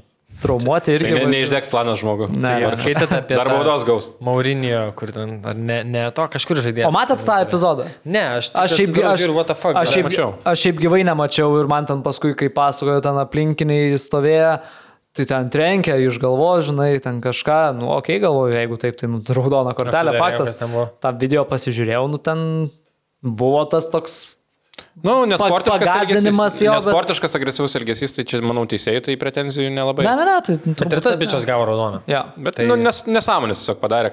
Bet Aš irgi, aš kaip būtent nustebau dėl laiko, dėl taimingo, žinai, būtų ten vienas vienas ar du vienas, Taip, ten kažkas. taip, taip. Čia trys vienas, paskutinės sekundės, nu, ką? Dabar, žinai, klausim, dar, dar, dar klausimas dabar turbūt, Viena kokia trys. bausmė, jo, ar vienos rungtynės, ar daugiau rungtynių. Gali būti ir daugiau už Na, to. tai jeigu tiesiog nėra bent jau dviejų rungtynių diskvalifikacija. A Nebūtinai, lygoje. man atrodo. Nes, Turbūt depends nuo veiksmo. Jo. okay. Tai, nu, man čia toks įdomesnis jo. Į formą įdinėjai, naują klubą atvažiavai, nu, bet serbiškas kraujas gal, na, užvirė. E, Ir, ir smegenis už, užtemdė. Bet šiaip, nu, aš manau, kad jo, dabar Kauno Žalgėrio ta atkarpa iki pirmo rato, sakyk, saliginai patogesnė, tai aš manau, kad e, pagerins savo pozicijas. Bet, O čia su džiugu, po pirmo kelnio 0-1 atsilikinėjo.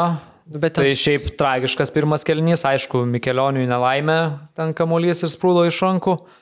Bet antram kelnį, nu viskas stojo į vietas, ten realiai galėjo ne 3 įmušto, Iš esmės, 5-6 Per gal. penkias minutės perlaužė tą grajų, tiesiog gratas, bum bum ir o ten jau. Nu, dar galėjai tikėtis, kad kažkurioje gal vietoje ten gali lyginti, bet, nu, supranti realybę, kad uh, sudėtinga prieš tokią komandą ir džiugui nėra lengva. Aišku, būtų buvę, uh, nu, jokinga, džiugas praeitų metų pirmą vietą skalpą turi ir tada skalpą antros vietos ir toliau dėliojas, bet, nu, it's too good to be true, manau.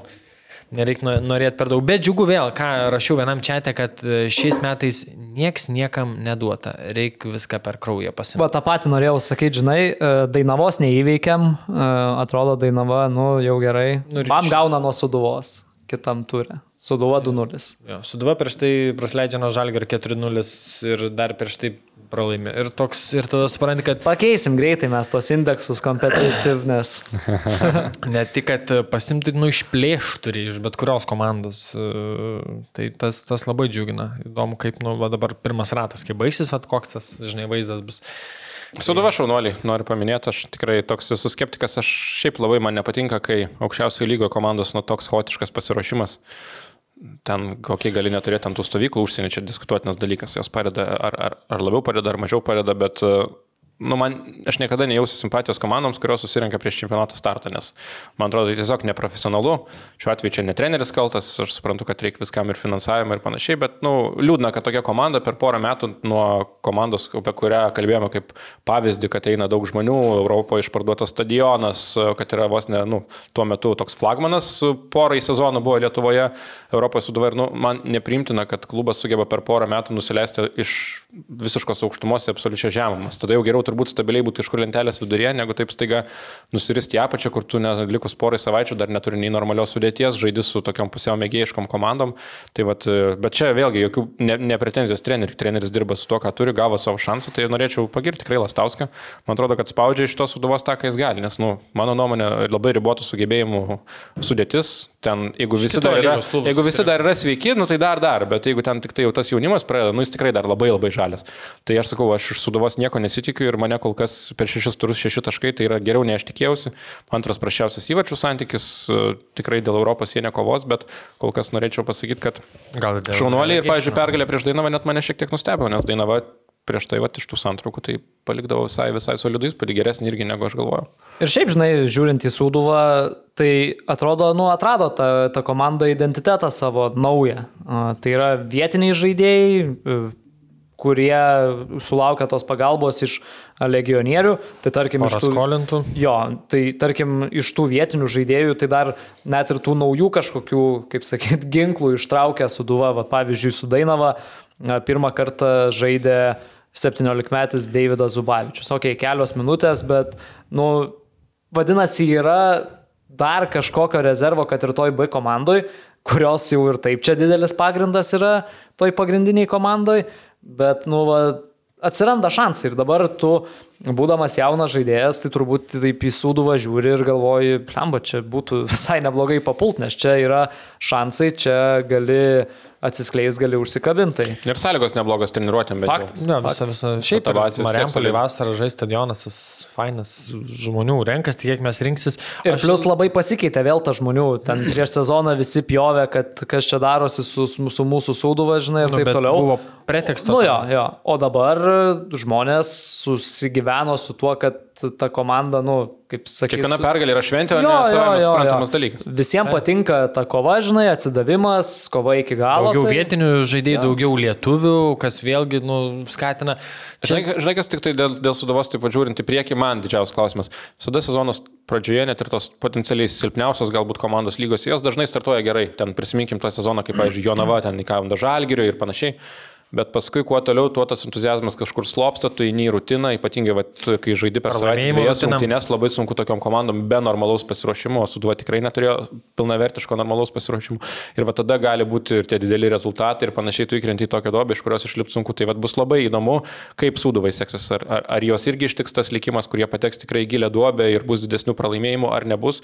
Na, vėlgi, linkiu, kad kuo daugiau to jaunimo žaistų, apsišlifuotų, o Suduvos fanom tai tikrai galiu palinkėti nevaryti ant komandos, o džiaugtis kiekvienu taškeliu, kiekvieną pergalę, nes dabar, nu, realybė tokia, kad tai nebėra komanda, kurią mes, nu, praktiškai nei vieno varžovo nematau lygoje, kur Suduvai dabar žaidžiant, aš sakyčiau, kad Suduva yra ryški favoritė. Nu, ne. Tai kiekvieną pergalę priimkit kaip, kaip smagią šventę ir palaikykit savo vietinę komandą ir vietinį trenerį. Čia dalis futbolo, žinai, negali visai būti top, nu, ypatingai kalbam apie Lietuvą. Nu, Gali, žalgerio pavyzdys. Nu tai kaip biudžetai tokie, žinai. Bet šiaip dar prisiminiau, ke, Kesmino tą straipsnis buvo dar prieš daug metų, kai Suduvas prieš Ferenčvarus nešėjo, kad čia Suduva atėjo ilgam ir Suduva čia realu, kad... Ir nebūtų Suduva to vieno sezono ten paleidus prie žalgerį galėtai, aš tau galiu pasakyti, kad Ir būtų taip, dabar, taip. vis dabar būtų, bet žinai, va, čia yra kažkur klubo valdyme problema, nes nu, tu negali, kad Nu, vienas statyti ant sezonas- vienos, vieno sezono ar, ar, ar kelių pergalių. žinai. Kovidas. Ten buvo, tai žinok, Nu, ten, ten, šiaip- ten ne, aš prisimenu, aš prisimenu, ten tos rungtynės e, uh, auksinės. iš karantinų žaisti buvo nesąmonė, mano nuomonė, ir nesažiningas suduvos atžvilgiu, aš ten netgi suduvą kažkiek suduvos pusėje dėl būtent to, kaip ten viskas gale buvo baigta, bet, nu, faktas, kad ne vienose rungtynėse buvo nuspręstas likimas ir suduva irgi darė klaidų. Ir bet, bet kuriuo atveju, ką noriu pasakyti, kad, nu, neturėtų vienas prastas sezonas staiga tavęs iš tokios elitinės komandos, bent jau Lietuvos mastu, nu, iki tokios komandos, kad tu likus ten mėnesiui neturi nei sudėties, nei trenerių. Tai, tai dėl to man, man gaila, nes Pavyzdžiui, vat irgi jūs klausau visą laiką podkasto ir mėgstat sakyti dažnai, kad A lygos lygis išaugęs. Na, aš nepritariu tam. Aš, pavyzdžiui, manau, kad jis, e, kai kurios komandos sustiprėjo, bet lygiai tuo pačiu metu mes turime turėti omeny, kad Suduva, ta, kuri buvo prieš porą metų iš tokios elitinės Lietuvos mastų komandos, pagrind- pagrindinės arba vienos pagrindinių kandidačių tapti titulą, nu, jį tapo dabar visiškai eilinė komanda. Ir tai, kai tai pasveria, tai man atrodo, kad tas jėgų balansas dabar yra plius minus panašus, galbūt kažkiek stipresnė, bet jeigu Suduva būtų išlygusi praėjusiame lygmenyje, aš tikrai drąsiai sakyčiau, kad tą lygos čempionatas sustiprėjo. Bet kadangi Suduva taip stipriai ir taip ženkliai susilpnėjo, nu, tad manau, kad galima diskutuoti. Mes Taip, gal labiau įvardinom, žinai, kad e, iškrito Jonava ir atėjo Dainava ir nebebus vieno ir iš Taip, taip, dėl šito tai vienareikšmiškai. Tas pridėjo, kad... Taip, bet aš- Šitas Bet tas- nu, šiauliai sustiprėjo. Šiauliai ženkliai. sustiprėjo. Bet žinai, nu, tas pats čia- panevežys ar nerodo. Bet irgi čia sunku, sunku vertinti, dar, dar labai mažai Ne, nu sezono taip. sužaista. Šiaip manau, kad bendrai paėmus, tai plius minus nėra labai didelio šuolio. Ne, tai plius jo, minus, bet- ką rodo ir Europos rezultatai. Net bet, tai ten tragedija. Žinai, tragedija, bet ačiū Dievui Žalgiris buvo Europoje, tai, tai bent dėl to galima pasidžiaugti. Žiūrėsim, kaip šiemet bus. Išimkim čia burną Bet, bet faktas, kad Lietuvos reikėtų Europos ir kitiem klubam taškelį Europos surinkti, žinai, nes kad pakiltų lygų reitingai ir taip Į vartėlį. Nu, matai, tas lygų reitingas, nu tai e, ką, ką jis per daug duoda? Nu, tai ką jis tau duoda lygai reitingą, tau lengviau Europoje, tu anksčiau tam pisylėt, tu gauni daugiau solidaritį pinigų viskas. Tai įsidėt visiems komandų e, asmeninis reitingas. nu, taip, bet lygos reitingas irgi lemia.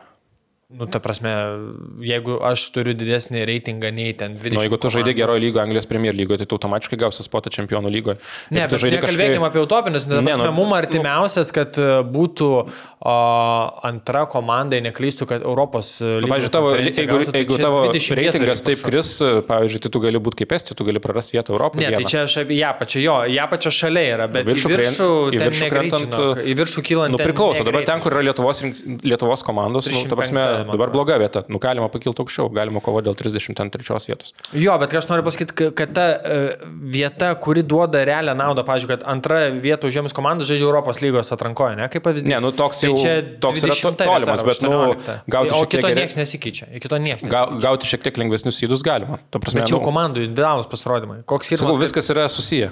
Susijęs. Ir, Nu, lygų reitingas tau yra irgi labai svarbus. Nu, bet Bendras lygų reitingas duoda daug naudos. Žalgerio kofas 11, ne? Dabar. Žalgeris užtikrino čempionų lygoje ten sėdėt pirmame Taip. etape, ne?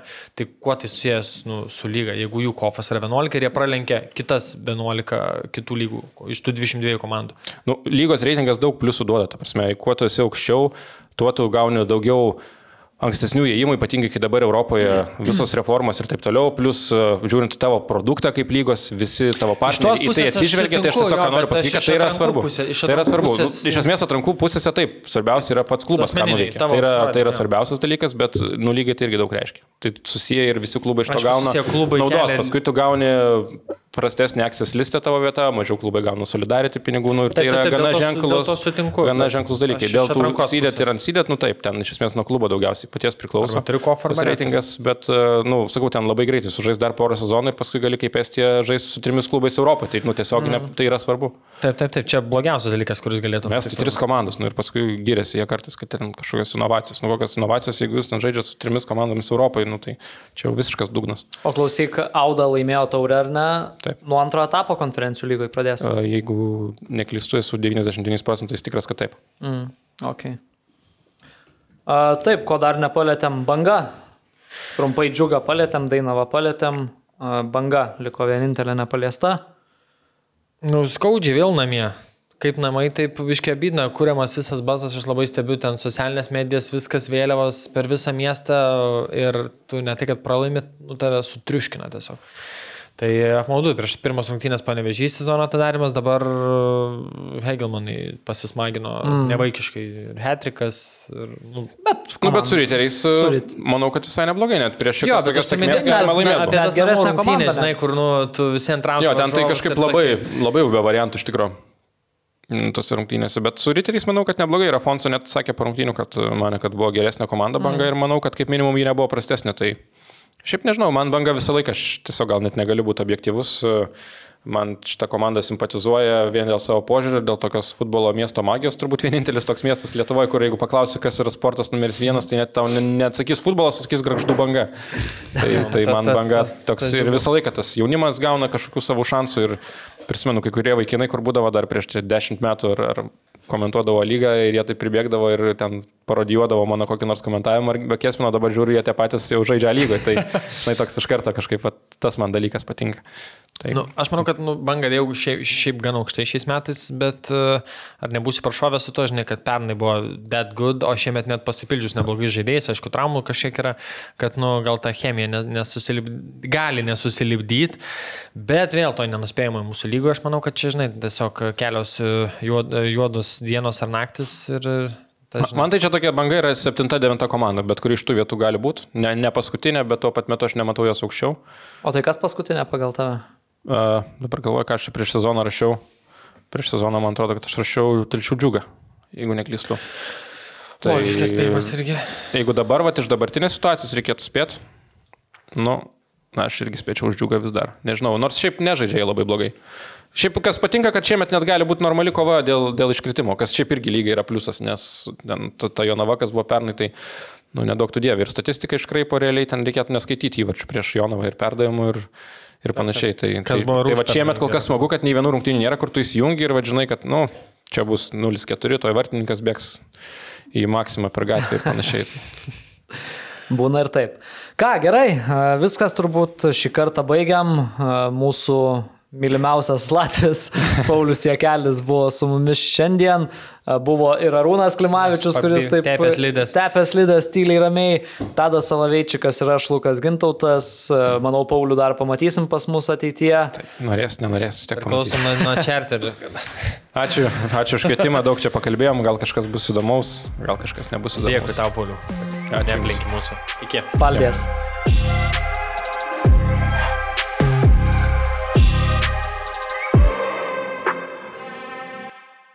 OptiBet, lošimo automatai, OptiBet. Dalyvavimas azartiniuose lošimuose gali sukelti priklausomybę.